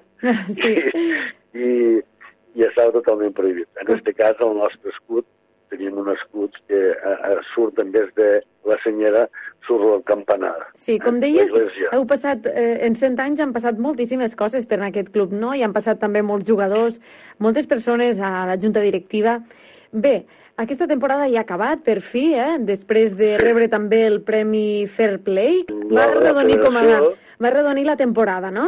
Llavors, a partir d'ara, d'aquest moment que ja s'ha celebrat l'acte principal del centenari i que heu homenatjat a exjugadors del Club Deportiu Alcanar, què us espera? Uh, a, a veure, en, encara no hem acabat el centenari. El centenari ens durarà uh -huh. durant tot l'any, anirem fent actes, Vull dir, sí, eh, tens molta raó, ens han donat el Premi Fair Play la Federació, inclús Imagina Ràdio també ens va donar un, un premi a, a, a l'equip més, més esportiu de l'any, hem rebut més premis natos baixant que molts equips que pujant, fixa't tu. Sí, suposo que és una manera de donar força també, no?, per a que, no, bueno, per que un club natos... centenari continue, no? Sí, Eh, el, que, el que farem ara, seguidament, després de tot, tots aquests actes que vam fer el dissabte passat, a les quinquenals, que les tenim a l'octubre, eh, farem una exposició de fotografies de, de, tot, de totes les èpoques, d'aquests cent anys, i després volem fer un homenatge als eh, familiars, claro, com té, com, com té que ser, no pot ser els fundadors, uh -huh. dels fundadors del club. Molt bé. Estem investigant eh, els familiars qui són i llavors eh, us farem un homenatge als familiars dels fundadors del club i, i això serà un acte més de, del centenari, a part de pues, pues, pues, partits que farem eh, amistosos en altres equips i homenatges a, a més gent que han, que han entrevistat, etc i que han col·laborat, evidentment. Fantàstic, doncs bé, I... cal destacar que el dissabte també vau jugar, o sigui, l'Alcanar va jugar contra la Cava, que és un dels centenaris també d'aquí sí, de les Terres de l'Ebre. Sí, a veure, vam aconseguir també un històric com és la Cava, eh, i estem molt agraïts perquè dels dos equips que tenen ne van fer un per poder pujar i, i jugar al partit. Llavors van fer un partidet, però bueno, la Cava i va estar molt bé. Va fer un partit de patufets també, i, i després van fer el partit del primer equip contra la Cava. Doncs bueno, per dos partidets de festa major, va estar les grades plenes, estem molt contents perquè va vindre molta gent, molta gent del món futbolístic, i tots els convidats, i tot, bueno, molt bé, molt bé. Un dia va ser un dia redó. Molt bé, Miquel, no sé si ens deixem alguna cosa per a parlar de... perquè hem d'anar tancant l'entrevista. De, si em vols parlar alguna cosa del club, o sigui, dels seus inicis o alguna cosa que em vulguis destacar, per exemple, el que em dies de, de l'època de, de la transició, no?, de la guerra. Mm, són fets, fets importants que bueno, suposo que esteu investigant ara, no? O alguna cosa que, que vulguis destacar i que vulguis explicar a la gent que no conegui del Club Deportiu Alcanar. Eh, a veure, tot això de la història nosaltres l'hem començat a fer ara perquè jo l'any 88, quan vam inaugurar el nou estadi que tenim ara, eh, en aquells moments estava de regidor d'esports. Vaig voler fer una miqueta d'història i vaig anar a la biblioteca, a llocs, per veure si trobava alguna i no vaig trobar res. Que puc començar explicant tot això, per exemple, no? Llavors, al no trobar res, vaig dir, bueno, jo què faig? Aquí em veig perdut eh, vaig trobar algunes fotografies antigues i aquí va ser l'inici d'emprendre, de, de buscar i de, i de procurar fer un llibre de la història del Club Deportiu del Cana.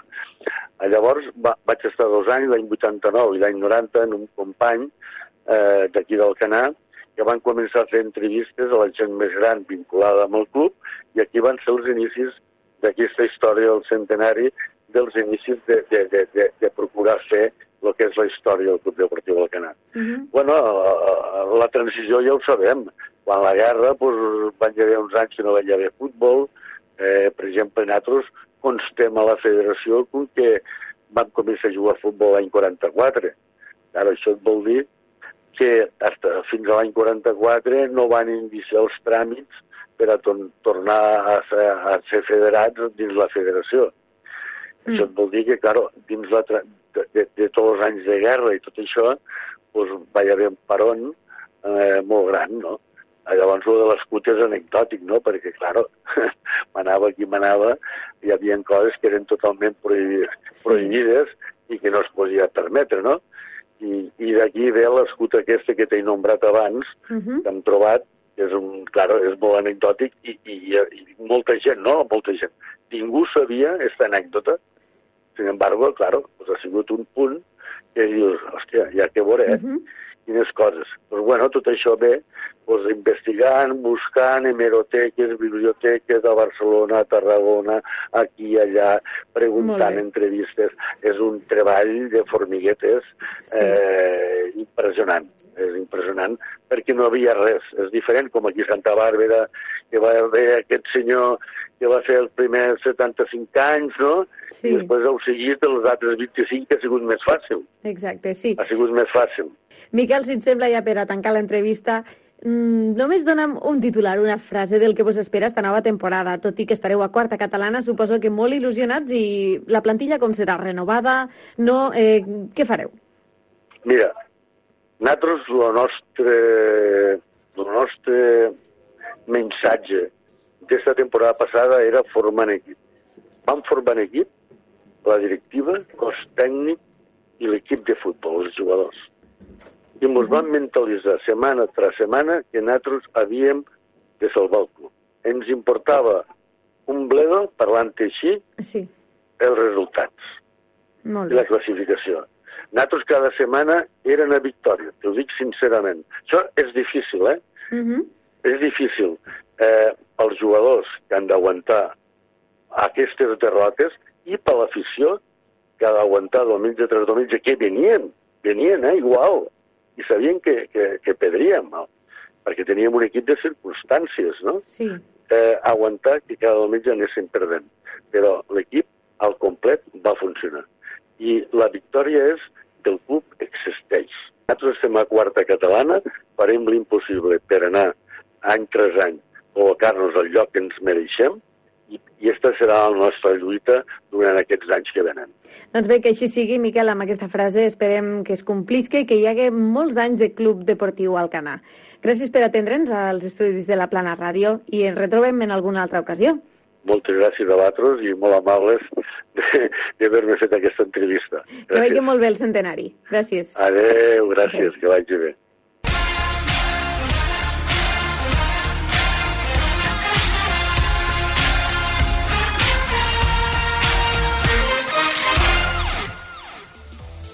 Vols viure una de les aventures més impressionants de la teva vida? Viu l'experiència Tunatur.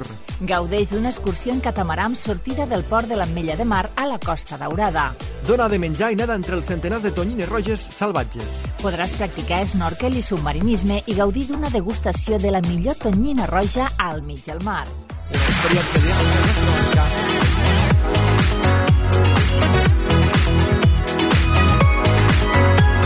El dia Terres de l'Ebre, amb Josep Pitarc.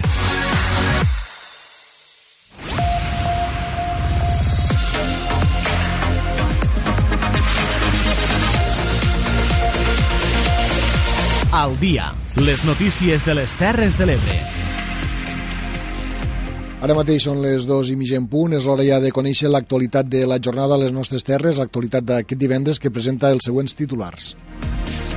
L'incendi forestal de la Ribera d'Ebre afecta ja unes 5.700 hectàrees. La situació meteorològica és extrema i no es descarten represes que puguin complicar la situació. L'Institut per al Desenvolupament de les Comarques de l'Ebre presenta una nova proposta de projecte Life Natura a la Unió Europea relacionada amb la migració de l'Esturió. El govern municipal de la Mella de Mar configura el nou Cartipàs.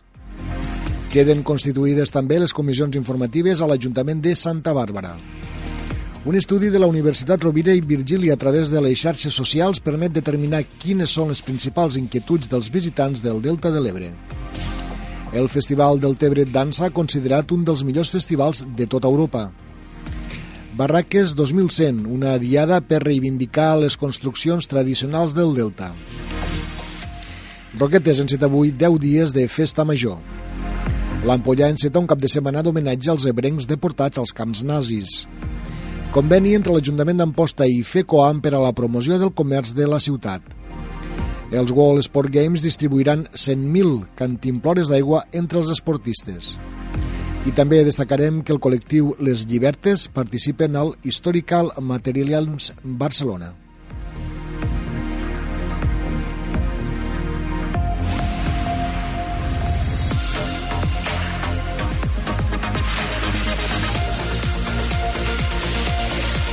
Al dia. Anem a oferir-los la darrera hora de l'incendi que està encara cremant a la comarca de la Ribera d'Ebre amb l'últim eh, parte que han fet públic, en aquest cas l'última nota que han fet pública des dels bombers de la Generalitat. A hores d'ara l'incendi continua actiu, malgrat que els objectius marcats estan assolint satisfactòriament de mica en mica. La situació del flanc esquerre cap i primer terç del flanc dret és favorable, els progressos aconseguits són importants, tot i que no es pot donar encara per estabilitzat i hi ha una part important del nord del flanc dret en una situació molt precària. Aquest migdia els efectius dels bombers de la Generalitat estan mantenint la mateixa estratègia, és a dir, aconseguir l'estabilització de la part nord del flanc dret. És una zona abrupta que té molts pocs camins d'accés i que ha dificultat molt les tasques d'extinció. Els emplaçaments de vehicles han hagut de fer amb vehicles pesants que han obert vies d'accés fins i tot i han ajudat a crear zones segures. Ara l'objectiu és aguantar aquests possibles, aquestes possibles represes que pot haver-hi de cara a aquesta tarda amb les hores de major temperatura. La, per la nit cal dir que no va augmentar eh, de manera significativa el perímetre de l'incendi, ja que, segons el cos d'agents rurals, van cremar provisionalment una superfície d'unes 6.000 hectàrees aproximadament, però que n'hi havia eh, alguns, algunes zones que, eh, bé, com a petites illes, no, no havien acabat cremant. Pel que fa a les mesures de prevenció de la població, ahir ja es va aixecar el confinament a Bovera, no es descarta que en el proper pla d'acció, en funció de les represes que vagin sorgint, se torni a implementar aquesta restricció i, segons Protecció Civil, actualment hi ha 52 persones evacuades de diferents masos i masies, 44 persones evacuades que es troben al municipi de Flix, 19 han pernoctat al gimnàs de l'escola Enric Grau i les altres per mitjans propis. També hi ha quatre persones evacuades a Bovera i quatre de la Palma d'Ebre.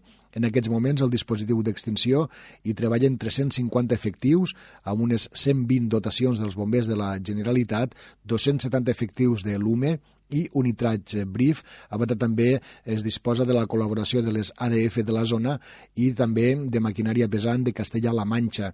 Ja des de primera hora s'han començat a incorporar els mitjans aeris a les tasques d'extinció, que són concretament 13 mitjans, entre ells quatre avions del Ministeri d'Agricultura, Pesca i Alimentació, i també de les comunitats de Castella-La Manxa i de València. Ahir va actuar igualment unitats helitransportades de la comunitat d'Aragó. També treballen cinc unitats al sistema d'emergències mèdiques del SEM, tres d'elles de la unitat d'intervenció i suport. A Maials han reforçat amb una unitat del SEM 24 hores i també s'ha demanat obrir el consultori municipal de, Balla, de Mallals. A banda del dispositiu també hi ha 35 efectius dels Mossos d'Esquadra treballant en el control dels accessos i les vies tallades. Aquest matí s'ha mantingut una nova reunió de seguiment de l'incendi de la Ribera al centre de comandament ubicat a Vinebre amb comandaments i operatius actuants amb el president de la Generalitat, eh, Quim Torra, i el conseller d'Interior, Miquel Buch, i també amb els alcaldes afectats. Avui cal recordar que ens trobem en un dia excepcionalment alt de calor, amb una situació extremadament adversa i, per tant, els bombers demanen la col·laboració de tota la ciutadania per evitar qualsevol risc que pugui derivar amb un altre incendi forestal.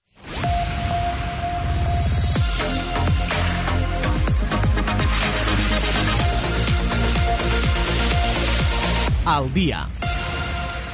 És ara el temps d'encetar la crònica política. Són molts els ajuntaments ebrencs que ja han tancat el cartipàs municipal del seu govern. L'últim en fer-ho ha estat el de la Mella de Mar. Com s'estructurarà, Francesc Callau? L'equip de govern de la Mella de Mar s'organitzarà amb set regidories.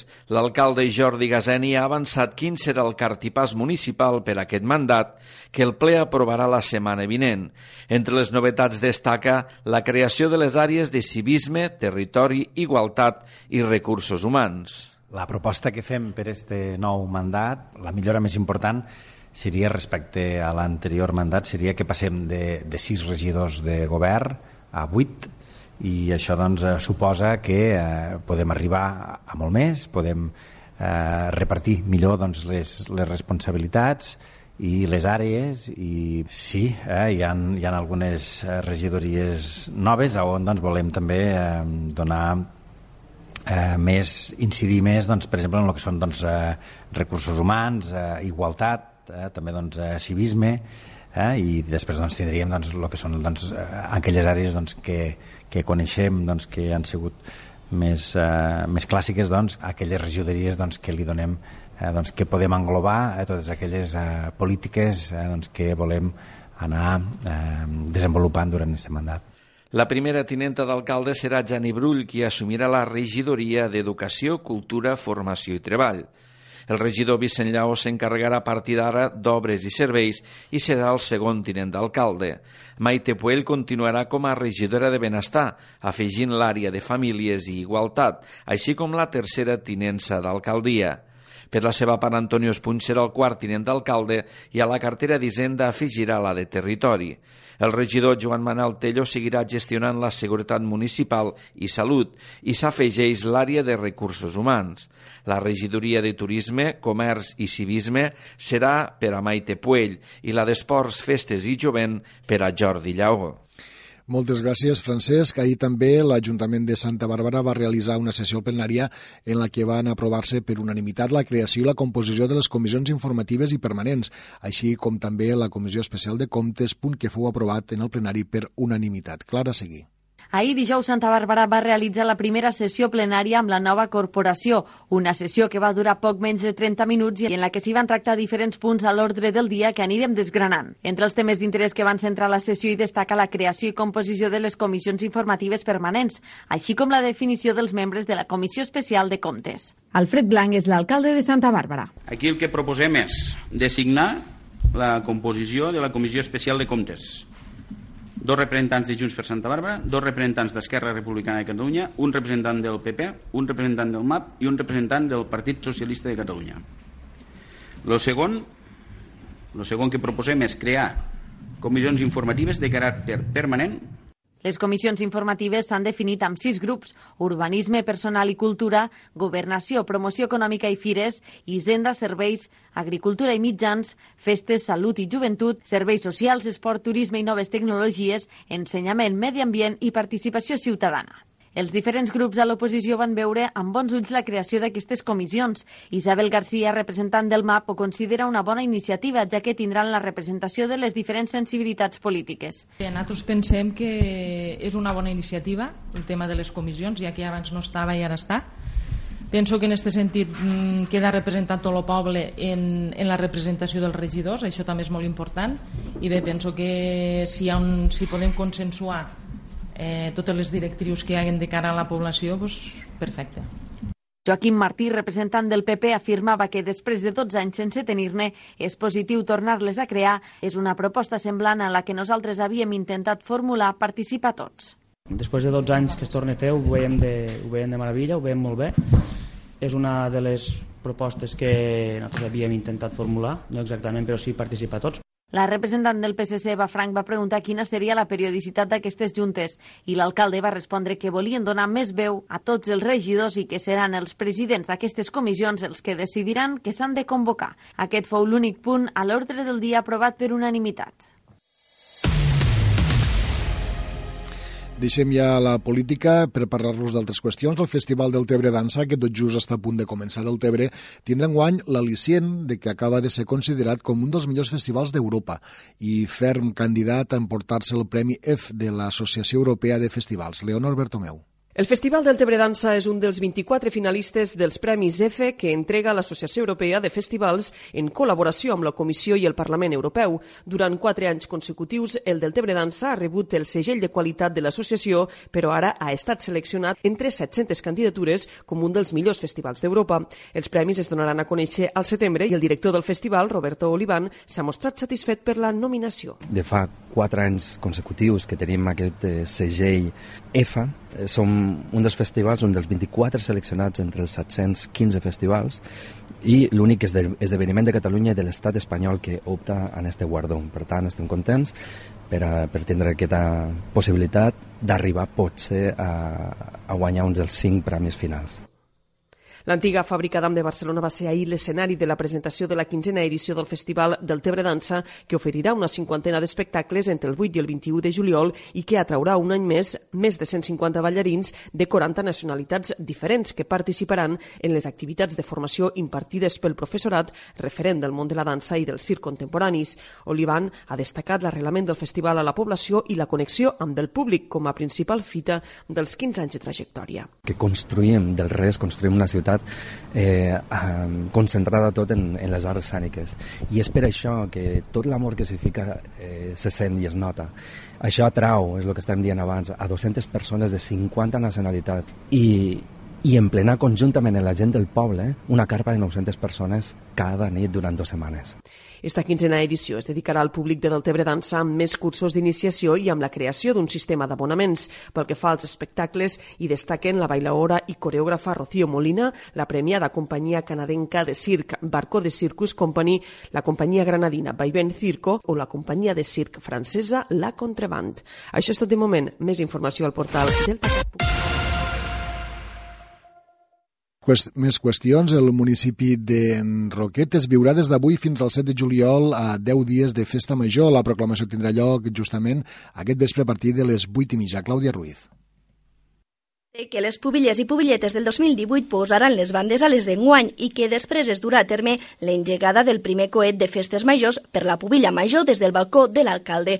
Enguany el prego oficial, que es durà a terme demà dissabte, anirà a càrrec de Lluïsa i Pepita Sampé, dues germanes professionals de la moda que amb el seu treball van aportar una imatge de bellesa i bon gust a moltes dones de Roquetes i d'altres ciutats. Diumenge, el dia del patró de Sant Gregori, tindrà lloc un dels actes més festius, el Coso Iris, a partir de les 6 i quart de la tarda tarda. Entre moltes altres activitats no hi faltarà la música amb el Quart Rockets Festival el 3 de juliol, els actes més gastronòmics com la Gran Paella Monumental, cuinada per la colla paellera de Jordi Curto, o els actes taurins. I un dels municipis que aquest cap de setmana també gaudirà de la seva festivitat és l'MD de Jesús, amb l'ornamentació dels seus carrers per celebrar el Sagrat Cor de Jesús. Serà aquest diumenge 30 de juny. Durant el dia es realitzaran aquestes catifes i a les set i mitja de la tarda es celebrarà la missa a l'església parroquial Sant Francesc. A continuació es donarà inici inicia la processó pels carrers del poble acompanyada per la banda Manel Martínez i Sola.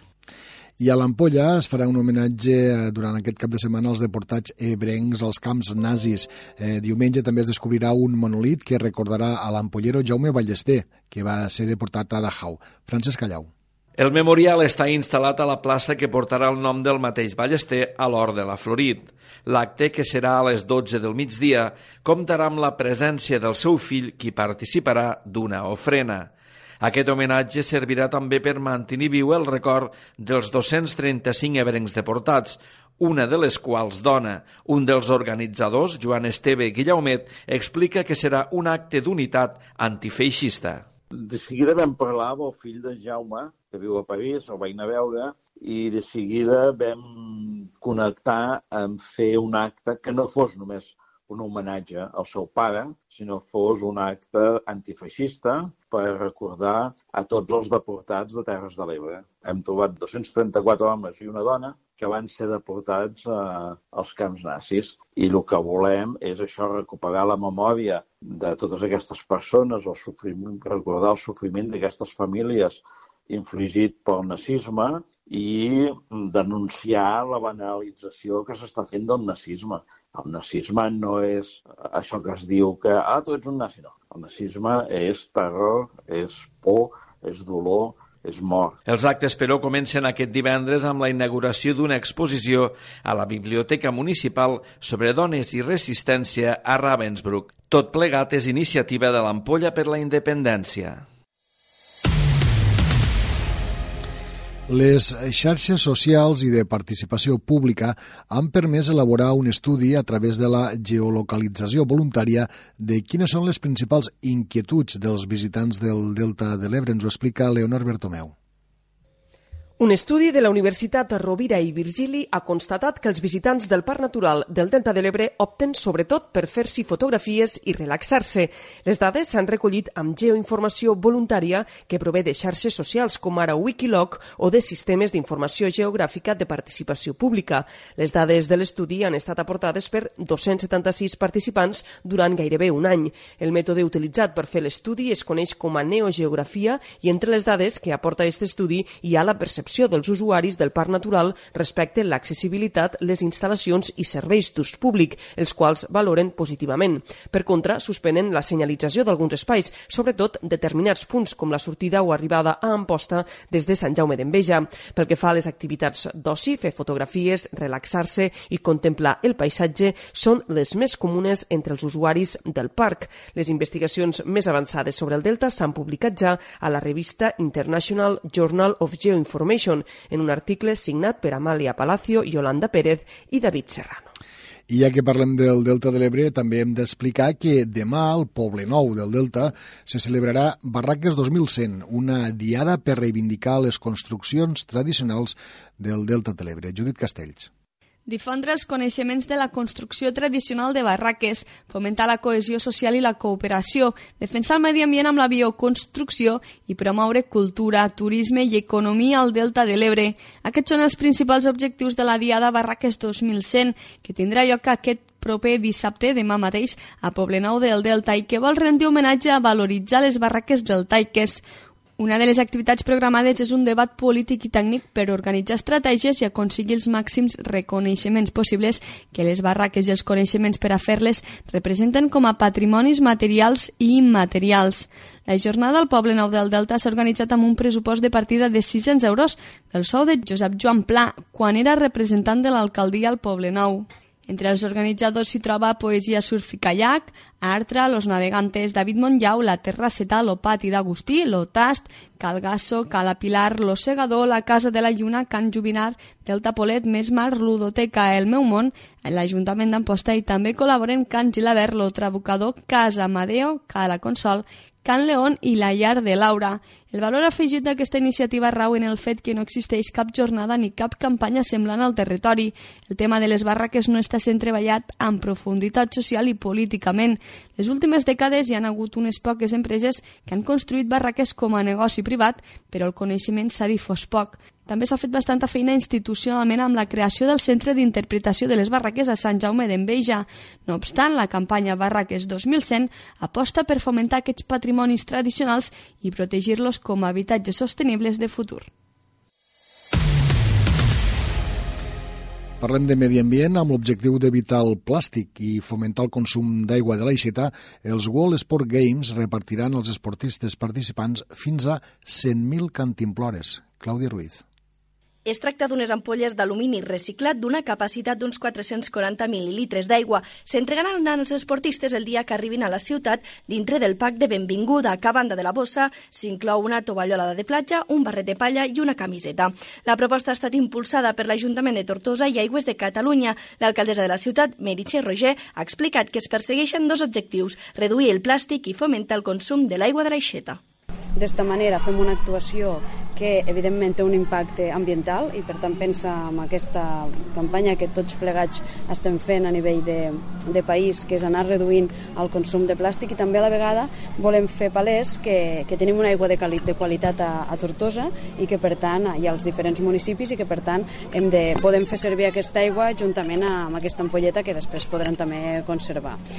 L'ampolla es podrà anar reomplint i reutilitzant a les diferents fonts que s'han instal·lat en els equipaments esportius repartits al territori, però també s'instal·laran fonts provisionals per fixar-les en llocs estratègics. En aquest sentit, el delegat d'Aigües de Catalunya, Marc Pi Ferrer, destacava la reutilització de les ampolles. Uh, complim doncs, de sobres tota la normativa eh, sanitària doncs, de, de, de l'aigua a Tortosa i al conjunt de les, de les Terres de l'Ebre i per tant és eh, convidar la gent doncs, a, la, a la utilització de l'aigua de l'aigua de, de xeta i el fet de reutilitzar. Com sabeu, doncs, les ampolles de, de plàstic no només és aquestes 100.000 que ens estalviem, sinó que a més a més doncs, no, no és recomanable reomplir les ampolles de, de plàstic per, per al propi consum humà.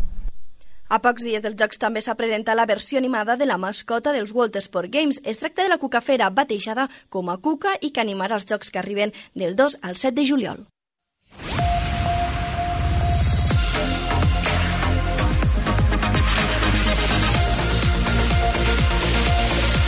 Al dia. La planera Assumpta membre del col·lectiu Llibertes de les Terres de l'Ebre, realitzarà una xerrada integrada sobre l'eix feminisme i la lluita LGTBIQ. Pit versus Falus, una nova proposta de la construcció de la psique humana que tindrà lloc a la nau Bòstic de Barcelona. Clara Segui replantejo um, des d'aquesta visió, eh, ja dic, cognitiu-conductual o el que és la, la visió aquesta més constructivista social, encaixaria molt en el que és, eh, d'una altra manera, re, reformulo la, la idea mm, de, de Freud i sobretot de Lacan que, que parlaven d'aquest triangle imaginari format per mare, eh, criatura i falus i la canvio i dic mare, criatura, pit. I a partir d'aquí eh, desenvolupo tota una teoria, un cos teòric, eh, sobre aquesta formació. Eren les declaracions d'Assumpta Arassa, aquesta psicòloga que intervindrà, com dèiem, en aquest congrés eh, a Barcelona, parlant, en aquest cas, de la seva eh, proposta, eh, aquesta conferència, una mica amb el títol provocador, Pit versus Falus, una nova proposta de la construcció de la psique humana. També hem de dir-los, al temps de les notícies d'aquest divendres, que l'Ajuntament d'Amposta i la FECOAM, la Federació de Comerç, assignen un conveni de col·laboració per tal de promoure el comerç de proximitat a la ciutat. Judit Castells. L'Ajuntament d'Amposta i la Federació de Comerç d'Amposta, FECOAM, han signat un conveni de col·laboració per tal de promoure el comerç de la ciutat. Aquest acord, que inclou les campanyes promocionals per a primavera, estiu, Nadal i Reis, contempla una aportació econòmica per part de l'Ajuntament de 6.000 euros per tal d'organitzar diverses campanyes comercials i promocionals al municipi. L'acord de col·laboració també contempla una altra aportació per part del consistori per als ajuts a les pubilles de les festes majors 2019. Així, cadascuna de les pubilles rebrà una targeta amb una quantitat per poder comprar els comerços adherits a FECOAM. L'alcalde d'Amposta, Adam Tomàs, ha destacat la importància d'aquests acords de col·laboració per tal de fomentar el comerç de proximitat, que són, diu, motor de dinamisme de la ciutat. I un darrer apunt per dir-los que l'Institut per al Desenvolupament de les Comarques de l'Ebre, amb el propòsit de donar continuïtat al projecte Life Migrato Ebre, ha presentat una nova proposta de projecte Life Natura a la Comissió Europea. En aquest cas és la recuperació de la migració de l'esturió europeu i altres països diàdroms i altres peixos diàdroms, perdó, als rius Ebre i Garona d'Ordonya. Aquest projecte es preveu dur a terme a Catalunya, a la regió francesa també de la Nova Aquitània, entre l'1 de setembre d'enguany del 2020 2020 i fins al 31 d'agost del 2024, amb un pressupost total estimat de 1.622.000 euros. S'espera que la Comissió Europea en cobreixi com a mínim el 60%. Aquest projecte, Life Migrafish Free, si és acceptat, estarà composat per un consorci internacional coordinat per l'Institut per al Desenvolupament de les Comarques de l'Ebre, el projecte pretén la recuperació d'algunes de les espècies diàdromes que es mouen entre el riu i la mar de peixos migradors que estan més en perill d'extensió a Europa, indicadores de l'estat també eh, de l'ecologia de les aigües dolces europees i d'una gran rellevància social i cultural, com són, per exemple, l'esturió europeu, una espècie paraigües per a tots els peixos migradors i altres espècies en perill com la llamprea marina, l'anguila europea, la guerxa i la saboga, entre altres. L'objectiu del projecte Life Migrafish Free és la recuperació de la connectivitat a les conques del riu Ebre i també del Garona d'Ordonya per permetre l'increment de la presència o per facilitar la reintroducció d'aquestes espècies autòctones a sectors inclosos dintre de la xarxa europea Natura 2000.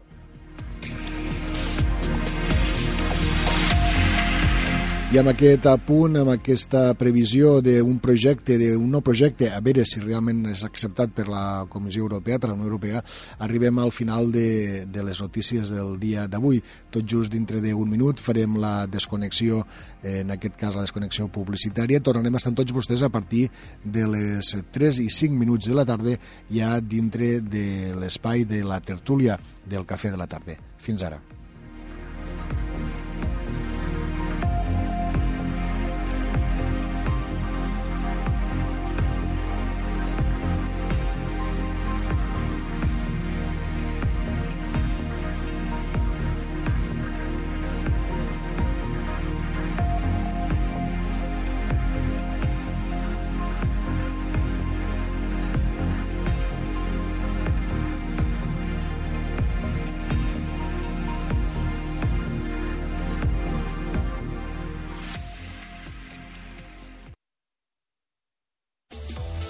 Vols viure una de les aventures més impressionants de la teva vida?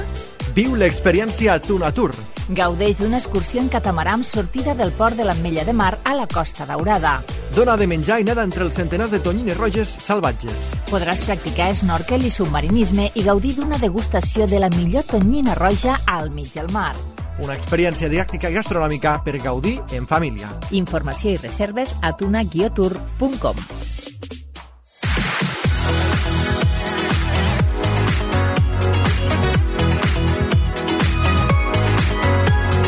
El dia Terres de l'Ebre, amb Josep Pitarc.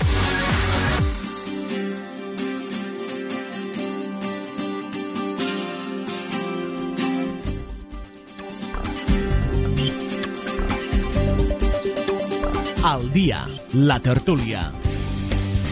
Efectivament, és l'hora de la tertúlia, és l'hora del cafè, de la tarda, aquest espai en què volem conèixer l'opinió, les reflexions, eh, en definitiva, eh, volem eh, xerrar de diferents qüestions d'actualitat i per això cada dia hem estat proposant al llarg dels 100 programes que just avui complim, hem anat proposant diferents eh, tertulians i tertulianes perquè ens acompanyen i ens donen els seus punts de vista.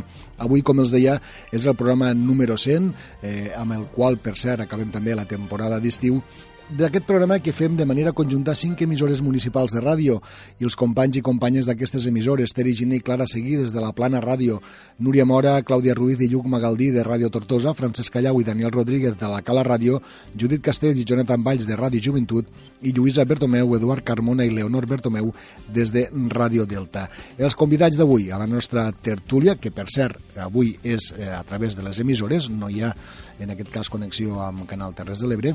Els tertulians, com els deia, són el senyor Bifredo Miró, exsecretari general del sindicat UGT a les Terres de l'Ebre, que està als estudis de Ràdio Tortosa. Bifredo, bona tarda, benvingut. Bona tarda. Des dels estudis de la Cala Ràdio a la Mella de Mar ens acompanya Joan Pere Brull, que és el president de la Societat Cultural i Esportiva i Recreativa. Joan Pere, bona tarda. Hola, bona tarda. I des dels estudis de Ràdio Joventut, amb Mas d'Enverge, tenim eh, la presència d'Anna Carmen Rodera, que és comerciant. Anna Carmen, benvinguda de nou. Avui que m'havia anat a la pelo per a ficar-me guapa per la tele, Mira que m'ho he, la mar. mira que m'ho he, Bona tarda. m'ho he pensat, Anna Carmen. Dic, Anna Carmen anirà a la peluqueria. Mai maquillat i tot, i tot. Eigues, molt Ma- malament. Mala sort. Escolteu, que tenim diverses qüestions de què, de què parlar. Eh, ara començarem a tractar temes, però si m'ho permeteu, eh, i de cara als nostres oients, volem donar la darrera hora que estem seguint tots els mitjans de comunicació d'aquest eh, malaurat, desgraciat incendi a la comarca de la Ribera i també part del Segrià. Eh, L'actualització dels, eh, dels bombers i dels agents rurals, la darrera, diu que eh, afecta ara mateix a una superfície provisional de 6.000 hectàrees. Els agents rurals han comprovat que a l'interior d'aquest perímetre hi ha aproximadament un 20% de superfície no cremada. La major part són conreus, per tant el foc, diguéssim, que ha passat per damunt, i dintre d'aquestes 6.000 hectàrees hi ha petites illes eh, que mm, sortosament no, no, no haurien cremat. Eh, el foc continua actiu, malgrat que s'està que s'estan assolint els, els objectius. La part més precària continua sent el nord del flanc dret, es manté els, els desallotjaments i es fan acompanyaments eh, també a massos. Aquest matí s'ha fet coordinada pels Mossos d'Esquadra. És la darrera hora d'aquest eh, incendi, d'aquest desastrós incendi que fa ja pràcticament tres dies que està cremant a la comarca de la Ribera d'Ebre. Mm, bueno, si voleu comentar, Bifredo, Joan Pere, Anna Carmen, alguna cosa d'això, la veritat és que les imatges són esgarrifoses, eh? Sí. sí, bueno, si voleu, eh, començo jo mateix. Sí. El, pro, eh, el problema sempre és el mateix. Vull dir que mos queixem una vegada a passar-lo mal, però el tema de gestió dels boscos, que tantes vegades reivindicada per la gent que viu a la zona, mm. no se'ls escolta.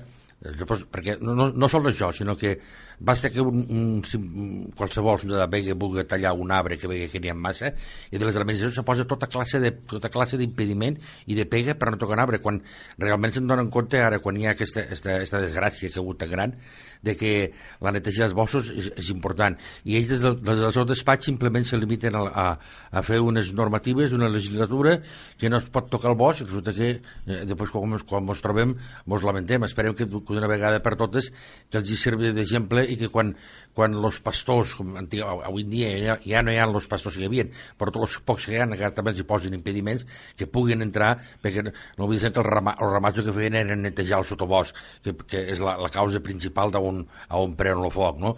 aviam si d'una vegada se'n donen, se donen compte i permeten, permeten que, que, que els ajuntaments propis puguen fer la neteja del seu propi bosc, almenys el, el que estigui a prop del nucli urbà, i aixecar camins, no es pot tocar absolutament res, igual de l'administració de, de, de, de la Generalitat o del, del govern central, que no podem tocar absolutament ni una fulla, ni, ni una branca de pi.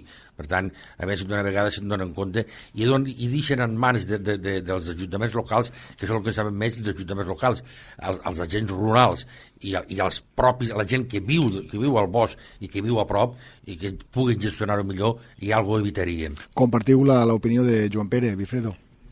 Bueno, sí, i algunes matisacions addicionals. La primera és que en els últims 80 anys s'ha doblat la massa forestal sí. al nostre país i això és degut a l'abandonament de, les, de, de les terres de cultiu. Efectivament, sí. És un element a tindre en compte vull recordar que algunes de les fotos, quan una volta s'ha cremat, es veuen marges de pedra mm. i bancalades que, que ara era bosc, ara era malesa, però que abans era terra de cultiu. Si hagués sigut terra de cultiu no s'hauria cremat, com és el que ha passat en les illes que s'han quedat dins mm.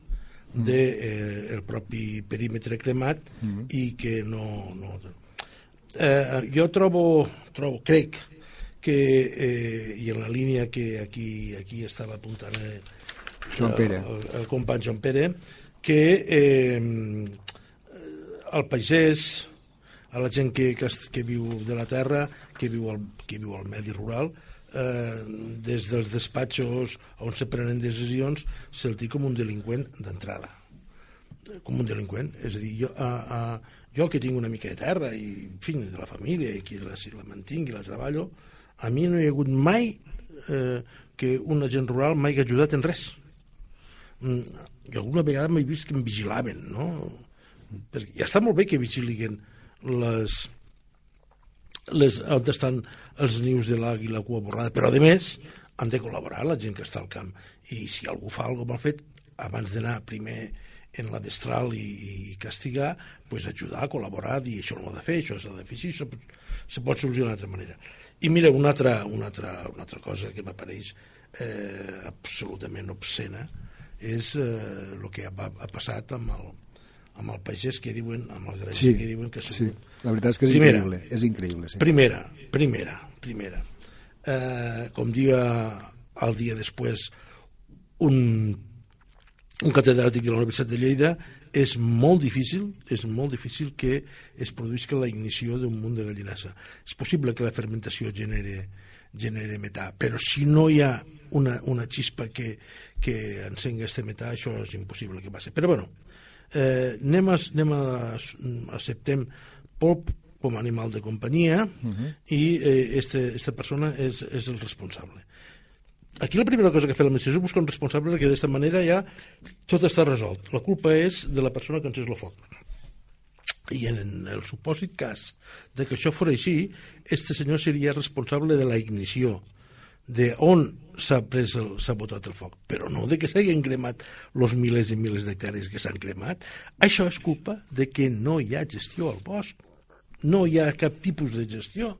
I eh, si es tracta a la gent que s'apropa al bosc com a delinqüent i no hi ha cap tipus de gestió per part de les administracions, mm, els, el monte es cremarà. I, a més, és segur, segurament és bo que es creme perquè en aquests moments els boscos que tenim són boscos absolutament estressats que necessiten regeneració i eh, adaptació al canvi climàtic que està, que està venint. El, els boscos que tindrem en els propers anys o en les properes dècades a Catalunya no sabem si seran aquest tipus de bosc ara o un altre tipus de bosc o un altre tipus de, eh, de flora al monte. I per tant, eh, a lo millor mm, hi ha una necessitat de que es produïsca aquesta renovació. I si no la fa l'home com l'havia fet tota la vida, la farà la natura per seu compte. Ana Carmen. Pues bueno, tot el que han dit penso exactament el mateix. Me sembla molt fort que se tracti igual a un pagès que per error encén un foc com una persona que vagi expressament a encendre el foc. O sigui, penso que tindria que ser completament diferent. I de tot, eh, com estic d'acord, només hi ha una cosa que se m'ha de quedar, que ahir vaig llegir al Facebook d'un voluntari eh, que explicava la desesperació que va tindre de veure les mares dels moixonets mm. que volien traure les cries del, del niu i no podien. Parlen sempre del desastre mediambiental de, de la, dels arbres, de, de la herba, però realment la quantitat d'animals que moren allí dins, a part dels de les granges i tot el que ha passat, mm. és un desastre total. No ho sé, que el pari en pronte, si pot ser, que quin encert ha coincidit justament en una pujada de temperatures que no s'havia vist mai i que facin el que puguen perquè no ho sé. La veritat és que és per a donar tots els ànims, tot el suport a la, a la quantitat de gent que està treballant. Eh, jo només m'imagino en aquells tratges, en la calor que fa i sí, davant d'un foc, mm, la veritat és que no és gens agradable. A més a més, jugant-se la vida literalment eh, en cada una d'aquestes actuacions i deixant de banda qüestions laborals, qüestions reivindicatives que sabem que el cos de bombers té des de ja fa molt de temps. El primer és el primer, es comporten com uns professionals excel·lents que són i són els primers en, en, en posar el tipus, donar la cara i quan eh, s'ha de treballar s'ha se treballa. Per tant, jo penso que només el que podem fer des de la societat, des dels mitjans de comunicació també, és animar-los, agrair-los la feina que estan fent i com tu dius, Ana Carmen, esperem que pronte, pronte puguen tindre controlat i finalment extingit este, este primer gran incendi que hem tingut aquest estiu.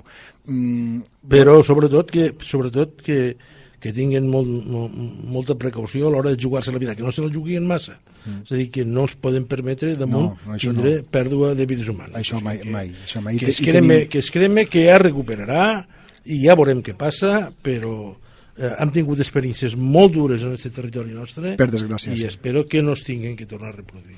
Exacte, tots... Bueno, eh, eh, agafant una miqueta el fil també diria que el que pot ser, aquí, eh, com, a punt, com ha apuntat abans, de que de seguida busca, se busca un culpable del que ha fet l'incendi, mm. l'immediat, no? El més de cas que també s'hauria de demostrar que la combustió hagi, hagi, hagi portat flama, no? O sigui que l'emissió de metà és, és evident, sobretot a les fems, però s'ha de venir una miqueta al rerefons, no? És l'ajuda la, als països que pràcticament ha desaparegut, segurament el que fan és posar molts de, molts de problemes i això de que recuperarà, jo sóc una mica pessimista, som d'una comarca o d'una zona d'aquí del Baix Ebre, de, de la Mella de Mar, en la qual el bosc mos arribava a la vora de la mar i per la falta de pluges els pins han desaparegut pràcticament. Vull dir que nosaltres, Però per la falta de pluges se recuperarà... Per, per la falta de pluges, així, per això, clar, si no plou, si no plou si no Clar. plou, si no plou, ja veurem si recuperarà, si recupera el bosc. Se recuperarà de la forma que li corresponga recuperar-se en funció de, de, de la seva climatologia, de, clar, eh, això canvia, el canvi climàtic està aquí, igual, igual mos toca que siga desert, i serà desert sí o sí després, Sí, no, antigament aquí la zona aquesta seria l'oferta de, el desert d'Alfama i ara ja hi tornem, quasi pràcticament que hi tornem a ser-hi. Vull dir que només hi ha mata baixa d'aquí. Ah, per, eh. per falta de pluges és un terreno moltíssim sec. Suposo que d'altre ho viscut però el que és aquí baix la zona aquesta de la Mella, de la Mella però bueno, aquí plou quan, quan bueno, mai. per equivocació, eh, plou per equivocació. sí, ara no hi ha pins, veritat? ara no hi ha pins. No, no, no es cremaran. Ara hi ha, ara hi ha malesa i tal. Si es crema, en 3 o 4 o 5, 10, 10 anys tornarà a haver la mateixa malesa. Mm. La malesa sí, però els pits... El, els pits ja no hi estaven, eh? Ja no hi estan, hem quedat. Però, però també, també, també tornem altra vegada una mica de les ajudes, no? Quan se va cremar el cap de Creus, de seguida l'administració va posar mitjans per a poder replantar.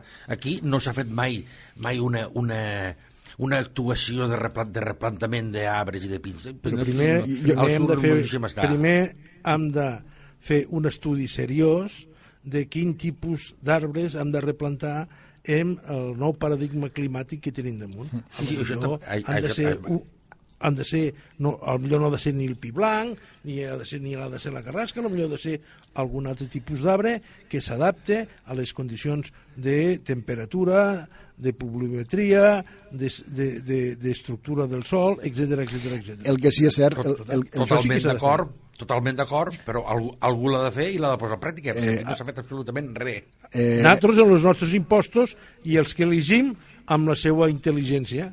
Eh, eh, eh, sempre la, una fina ironia, Bifredo, en aquest cas. Eh, el que sí que vull dir és que mm, la veritat és que cada vegada que eh, parlem d'un incendi, a banda de el número d'hectàrees, a banda dels mitjans que es dediquen, a banda dels efectius, eh, sempre hi ha un discurs latent i és la gestió que se, que se n'hauria de fer prèviament i això després d'un incendi sentim a l'alcalde de qualsevol poble, fa poc sentíem a l'alcalde del Perelló, hem sentit aquest matí els alcaldes també de les zones properes i tots estan coincidint en el mateix, no? que és el que estàveu dient eh, Batros 3.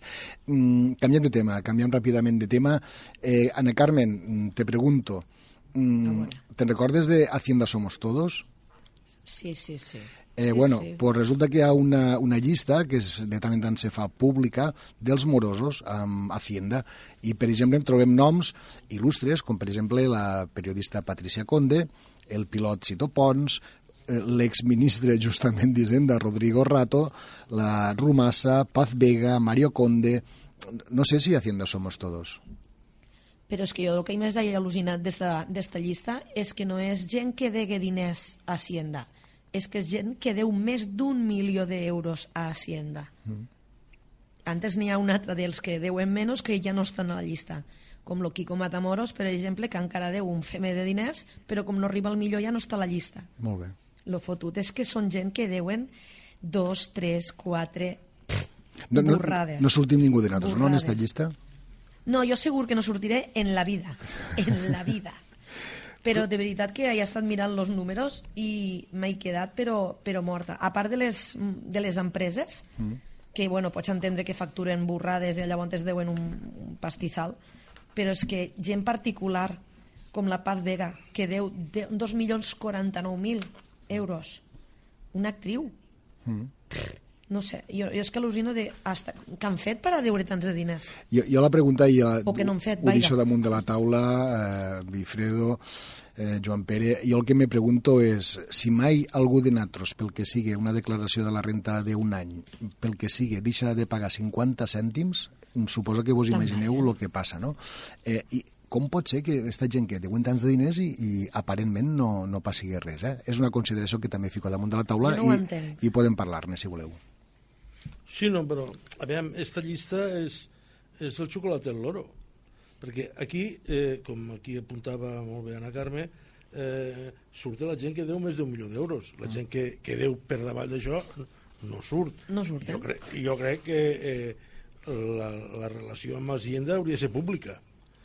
Tothom hauria de tindre... Clar, això de que eh, és privat la, la, la declaració que fa cada un, home, potser, potser seria una forma de lluitar contra el frau perquè clar, si, si tu poguessis accedir a que els ingressos de eh, don Pedro Pérez, per dir alguna cosa, me l'invento, eh, són eh, 12.000 euros a l'any i resulta que el veus que es compra un cotxe que val 50.000 euros, dius, ui, no pot ser. passa alguna cosa. Mm. Aquí tot pot ser en aquesta vida, però com a mínim passa alguna cosa. I algú hauria d'anar sempre explicant, almenys via signes externs, el que està fent.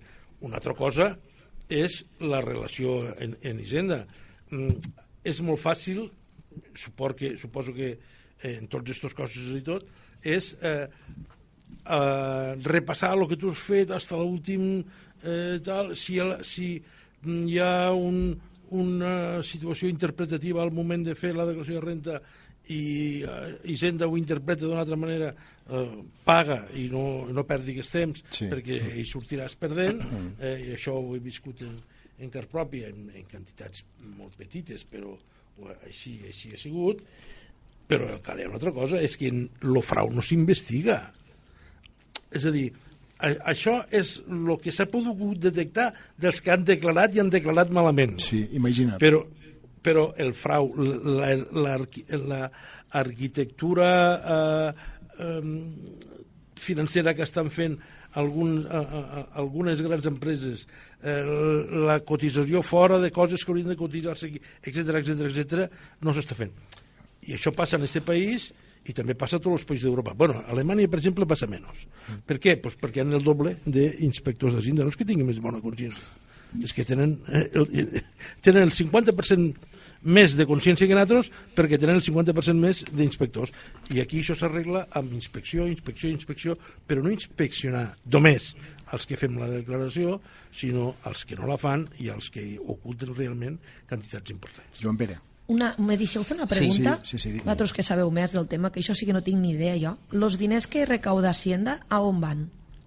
Els pressupostos generals de l'Estat. Els impostos, clar, són els, la, la finançament de, de, de tot el públic, ve de via Molt impostos. bé, llavors estos diners són els que l'Estat utilitza para... Fer carreteres, fer hospitals, fer Lo que col·legis... crega oportú. Molt bé. Pa- Vos paga- imagineu paga- que esta paga- gent paga funcionaris, pagués? paga funcionaris d'Extremadura, Andalusia... Vos imagineu que hi ha esta més Catalunya, i a Catalunya Catal- també, eh? Catal Catalunya també, però, però resulta que hi ha... Hi ha Oh, no, no, no, no, no, no, escolta, escolta, que hi ha escolta. sis Mira, vegades a Catalunya tenim, a Catalunya tenim 150 salaris públics superiors al del president del govern d'Espanya.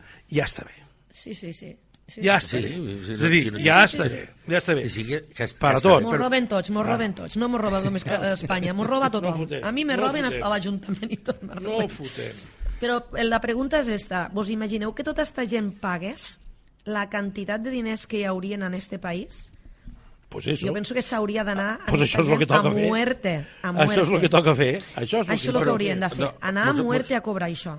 Mos, mos oblidem, mos oblidem d'una cosa que és el principi, el principi de, de, de, del problema aquest, no? És que av- avui en dia eh, els polítics no són els que manen, el que mana és el gran capital. Sí. El gran capital és el que, és el que té el poder sobre els polítics, sobre què han de decidir. Té el poder sobre els polítics, té el poder sobre els jutges, perquè penseu que, que el poder judicial no s'ha canviat, són hereus dels mateixos que hi havia abans. Quan va haver la, la transició en aquest país, no van fer una transició real, no van fer una transició real de fer un canvi, si els pensaments eren els mateixos, simplement van canviar de nom, van posar puestos, i ara és el mateix. Vull dir que tots els temes que to tocarem avui farem cap altra vegada al mateix, al, al mateix lloc, sinó que és el poder econòmic que hi ha darrere. El poder econòmic, el que està, el que està a, a, a, a prop del poder, o sigui, i, i la, la, sobretot la gran empresa, sobretot la gran empresa, perquè aquí hi ha, no, hi ha gent que, que nombrem, però no parlem de que les grans empreses cotitzen l'1%, quan nosaltres aquí, a la jornal, a la jornal normal, cotitzem el 14, el 15 i el 20%, i el 20% de, jo que estic Mireu, ara, ara s'acaba de produir 17%. ara s'acaba de produir un, un, un, un gran, hi ha una certa discussió perquè eh, eh, este govern, el govern del Sánchez, ha llevat una sèrie de...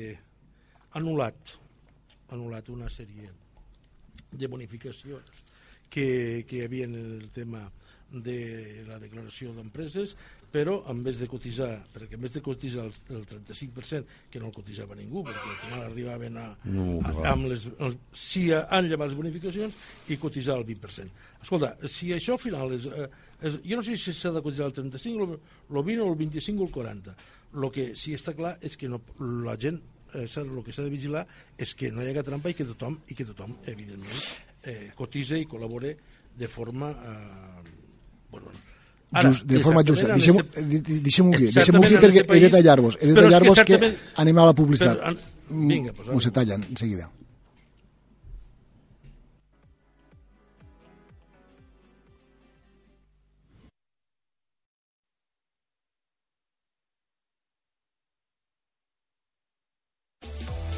Vols viure una de les aventures més impressionants de la teva vida? Viu l'experiència Tunatur, Gaudeix d'una excursió en catamarà amb sortida del port de l'Ametlla de Mar a la Costa Daurada. Dona de menjar i nada entre els centenars de tonyines roges salvatges. Podràs practicar snorkel i submarinisme i gaudir d'una degustació de la millor tonyina roja al mig del mar. Una experiència didàctica i gastronòmica per gaudir en família. Informació i reserves a tuna-tour.com.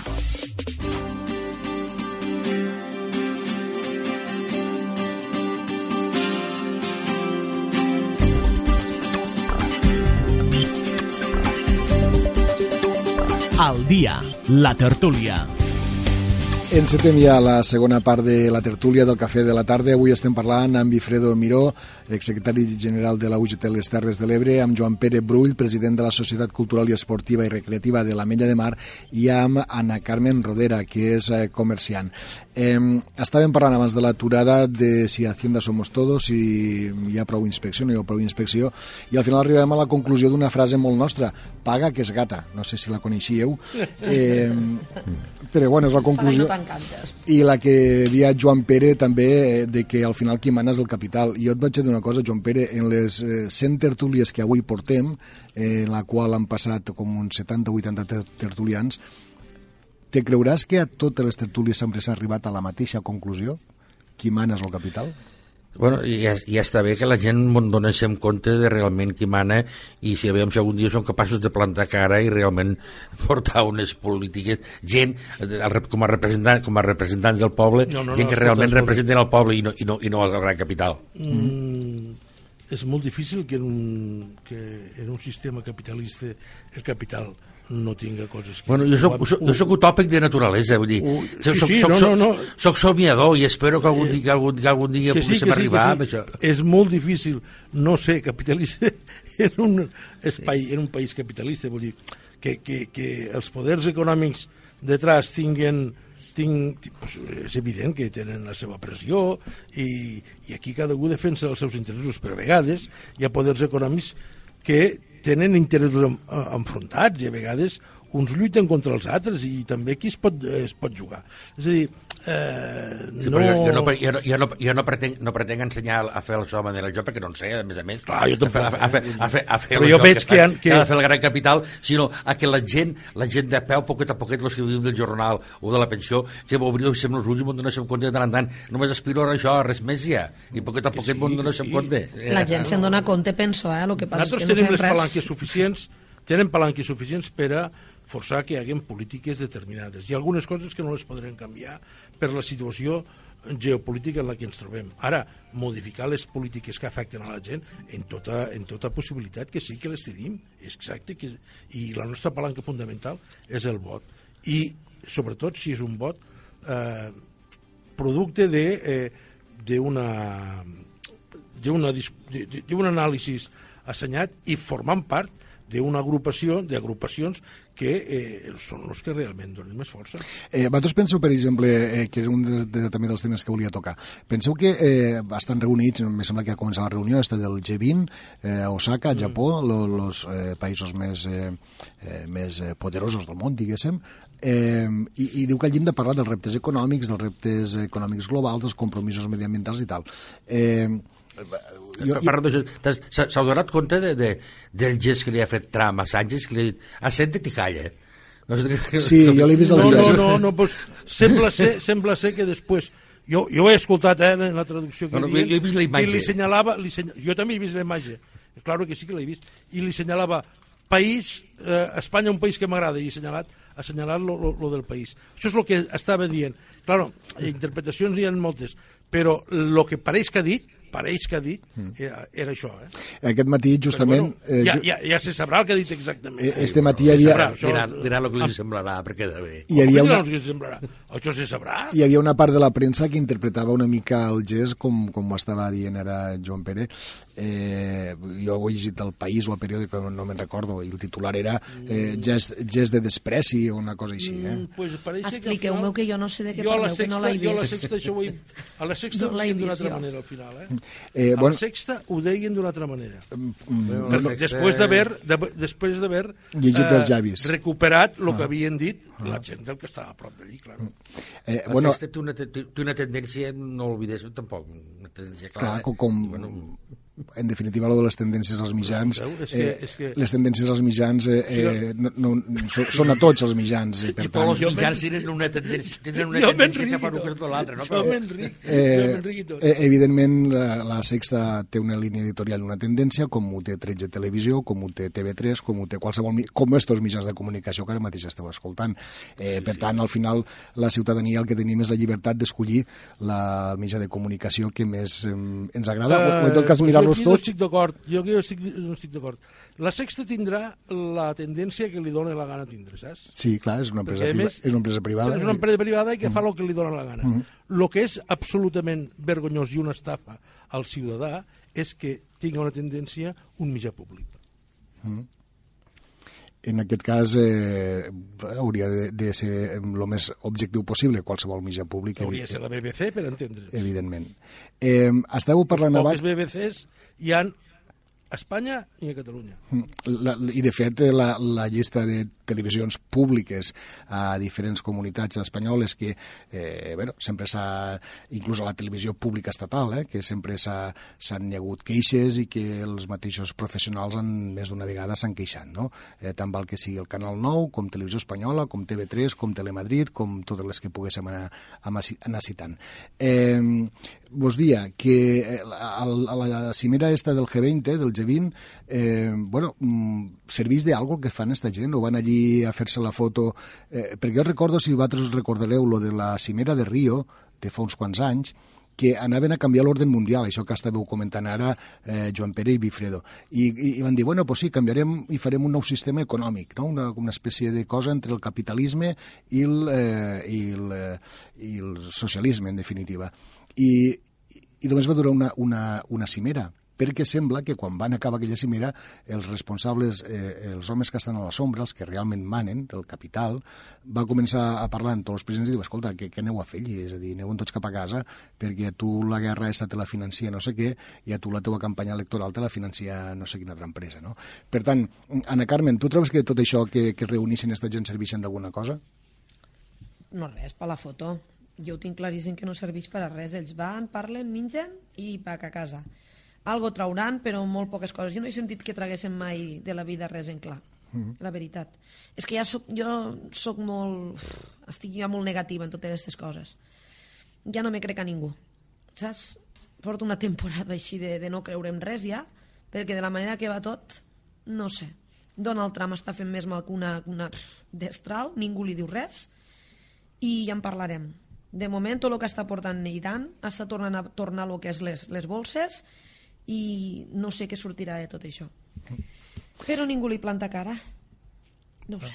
Quan, li tarda, quan costa, o sigui, quan tardarà aquest home en sortir de, de la presidència? Bueno, eh, me sembla que... Dos anys falten encara? Sí, eh, ara, estan fent, mig, ara estan fent les primàries... 20-20 i en eleccions, això vol dir Mm. que segurament fins el 24 continuarà. Vols dir? No són quatre anys? Sí, però guanyarà les eleccions. No, hi ha no, molt pocs no. presidents que hi ha molt pocs presidents als Estats Units que no, rep, que no han tingut el segon mandat. Jo trobo que no guanyarà. parell, eh? Bueno, tampoc Vale, espero, tinc la- tinc fe. I de fet no va guanyar el número de vots, però Home, sí el número de compromissaris.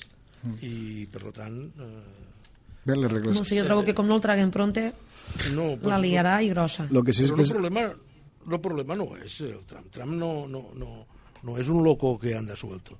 Home, Mm, molt fi no que jo- està, eh?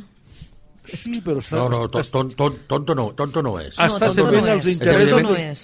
És evident que van no està votar. Que- que tonto- tonto no és. Està Sí, servint els interessos del que el van votar, de l'Amèrica profunda, del proteccionisme eh, a ultrança de lo que de lo primero primero Estados Unidos primero eh, això ha fet que l'economia dels Estats Units eh, s'ha revitalitzat. El paro està a situacions de quasi zero.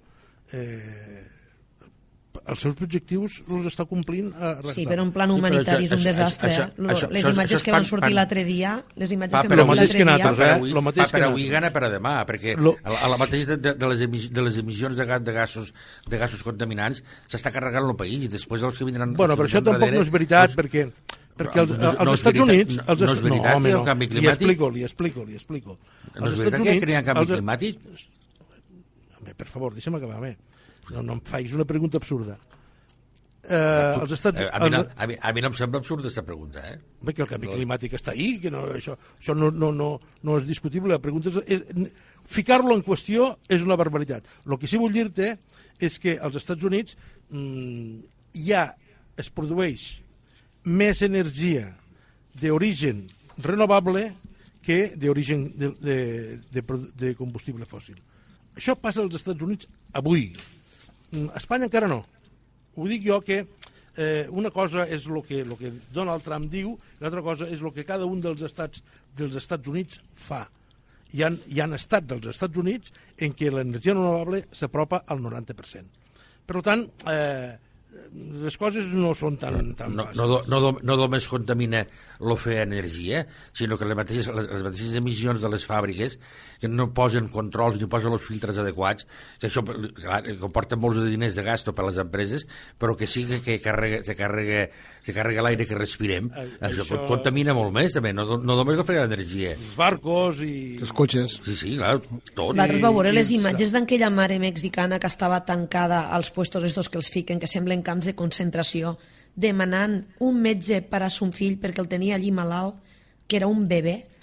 Vosaltres heu vist les imatges de la mare sí, demanant i, llet i les, per als fills? I, i, i això és fem? que no pot, això no Però pot, és que no es pot fem? consentir. De totes Però maneres, Europa què fem? Jo agafant, agafant Home, la pregunta, agafant la pregunta no vist, això, de Bifredo, agafant la, la pregunta de Bifredo... Aquí jo no ho he vist, lo, això, eh? El que és veritat és que la política no migratòria... Mirar, eh? La política... Home, que te digui? Jo veig que agarren un... la gent que venen i que creuen la, la, lo mur aquell de, de, del ja em sortirà demà, de Ceuta i de Melilla i se'ls empara, què m'esteu contant? Una, una cosa. No se'ls fot I tancats Itàlia, dins que, a un que camp de concentració. Lo barco, el barco este que ha entrat a port i allí està... És el que, és el que anava a dir sí, jo. però Escolta, ja tens una persona... La gent aquí se mou, perquè almenys està esta noia que intenta de totes maneres salvar vides, i hi ha gent que intenta salvar vides, però allò està allí i ningú fa res. un, un no moment, me compares. Un momentet, un momentet. La, eh, la política migratòria... Si, el, si no fes ningú, si no fes ningú res, al, als Estats Units no hi haurien més de dos milions d'il·legals.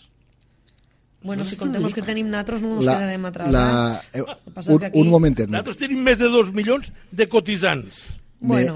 me No, com permeteu, que no? Bifredo, Bueno. No Ana. Carmen, Com? Això no està discussió. Bifredo, Bifredo, me permets un momentet? És increïble. Eh, Sí, és increïble perquè si veiessis la quantitat de mares que van al col·legi, que no treballen, ni cotitzen, ni fan res...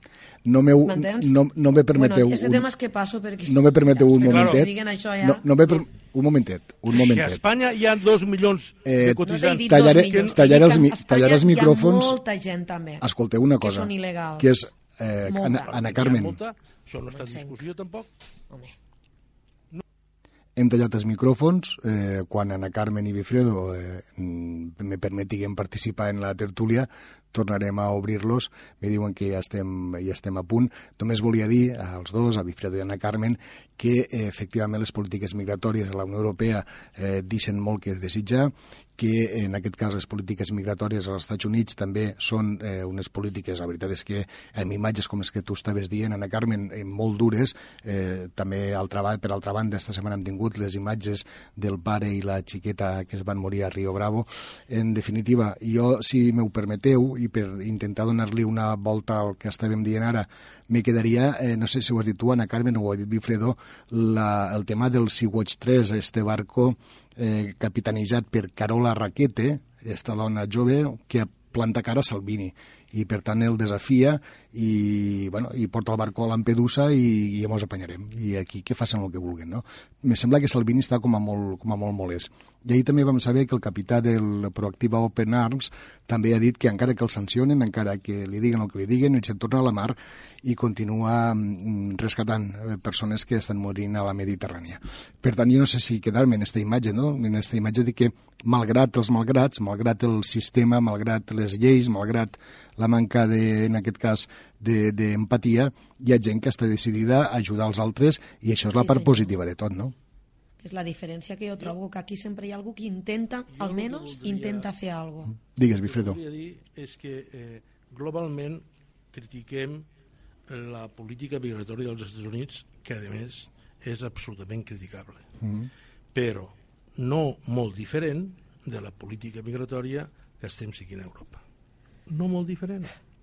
en general són molt paregudes i és de poc, en aquest cas, eh, poca sensibilitat. Eh, volia dir. Per dir-ho per dir finament, i Europa estem pagant, se sap, estats TAP, com són Turquia, per a que no mos entren a casa nostra i no mos molesten, eh, o, o estem donant a l'espai Schengen també eh, certes condicions, en aquest cas a la República eh, a, a Hongria, en aquest cas també, perquè ens facin de tap, els tinguin allí a l'estació de Keleti i que per tant no, no ens arriben. Eh, volia escoltar sobre el tema que estem parlant ara també eh, l'opinió, en aquest cas, de Joan Pere. Joan Pere.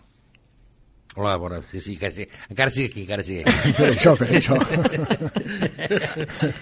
Sí, no, eh, eh, de que això és, és un drama de dimensions enormes, colossals, però jo tornaria altra vegada, m'agrada tornar una miqueta al començament, o si no, si no al començament, a la història, i és que molts d'aquests emigrants que es produeixen avui dia a, a Europa i també als, també als Estats Units, tots venen provenents d'unes misèries que, que que tenen en aquells països i que ni Europa ni els Estats Units no han sigut capaços d'ajudar-los al seu desenvolupament perquè no es belluguessin. Però no, no, no només això, sinó el desenvolupament, sinó que inclús molts venen produïts per les guerres que han produït, que, que han financiat que han financiat aquests governs i que la gent ha tingut que marxar donant, donant, donant suport als, als dictadors de, de, tur, de torn al que hi amb el seu, amb el seu tema, inclús en gent que, bueno, acusat sense, sense base, però que... I després volem, volem volem aparar, quan volem, apar, volem aparar la part migratòria, quan el que han fet, el que han fet des d'aquí és, és aliment, alimentar en diners i en armes les guerres i les, desigual, les desigualtats per a, per a, que, per a que aquella gent ha tingut que marxar perquè en compte sí, que aquella gent no, mar, no, marxen, no marxen de gust del seu, de, de casa seva, marxen per la gana, perquè si juguen la vida d'aquesta manera, que saben que se la juguen la vida, sí. és perquè estan totalment desesperats.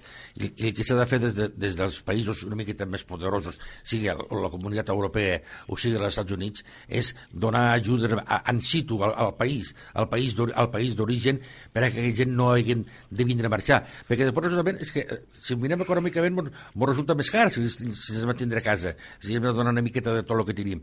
I clar, quan arriben aquí no tenen, no, no tenen què fer, no tenen feina, no, tenen, no n'hi ha ni per a natos, que al, al nivell de paro que tenim, i què han de fer aquella gent? Vull dir, pues, de fer alguna, malife, alguna malifeta i és quan se, se, se crea la imatge aquella de que pues, los, los, los emigrants eh, són, són delinqüents. No? Vull dir, jo, jo voldria introduir algun element. Ràpidament, Bifredo, eh, us queden dos minuts. Que, sí, primer, eh, le, el capital pot circular lliurement per, per tot el món. Eh, en, des de la globalització, les mercaderies pràcticament circulen eh, amb tota la llibertat. I al final, això obligarà que tinguin que circular les persones o hi haurà un problema. Per tant, o tornem a, a replantejar-nos el comerç mundial o això eh, serà un desastre. Però més enllà de tot això, dels de desplaçats econòmics per motius econòmics i per motius de guerres que en la majoria responen a interessos del primer món eh, i guerres fetes del tercer món, especialment en, en l'obtenció de, de, de, recursos. de matèria prima, Mm -hmm. de matèria prima fundamentalment, s'aveïna eh, amb els properes eh, anys, properes dècades com a molt, una eh, migració massiva sí. deguda al canvi climàtic. Sí. La, hi ha un informe de la ONU aquesta setmana que Això, ho, ho està advertint, sí. Parlen de milions de eh, desplaçats per tema del canvi climàtic que no, que no nego, sinó tot el contrari. Jo soc responsable de, de la UGT Confederal en tema de medi ambient i sabem perfectament sé perfectament com, com estan evolucionant el tema i evoluciona entre malament i molt malament perquè ni els objectius que ens havíem fixat a París ni les diferents cimeres que s'han produït no som capaços d'arribar a mantenir el planeta per davall d'un increment mitjà de 1,5 graus. I si arribem a 2 graus, segurament arribarem a un punt de no retorn on els canvis seran absolutament catastròfics. En hem arribat és al final del programa de la tertúlia del dia d'avui. Per cert, vos dic ja que heu participat de la darrera tertúlia de la temporada. Amb Batros 3 hem acabat aquestes 100 tertúlies que hem fet i que no reprendrem ara fins al mes de setembre. Per tant, vos aviso que a partir del setembre, després de l'estiu, segurament vos tornarem a, a demanar si així ho considereu i així ens doneu aquest gust, aquest plaer de tindre-vos als nostres estudis. Bifredo Miró, Joan Pere Brull i Ana Carmen Rodera, moltíssimes gràcies als tres, passeu bon cap de setmana i ja que ens acomiadem, bon estiu. Igualment, bon estiu a tots. Bon estiu, i, i ja que no estem junts, records als contertulians, a lo millor si estem junts la discussió es veuria d'una altra Seria menys, seria menys. bueno, però avui amb xalata, que li han posat falseta. Veniu a Sant Pere, veniu a Sant Pere, que són festes a la cala, i podem parlar-ho aquí tranquil·lament. Vull dir, de Molt bé. O un bermudet, que, que són, fes, són festes després de la segona festa major del poble, la festa dels pescadors. T'agafem la paraula, t'agafem la paraula, Jean Pere. Vinga, moltes gràcies als tres i fins la propera. Fins ara. Adéu. Ara, que bona tarda.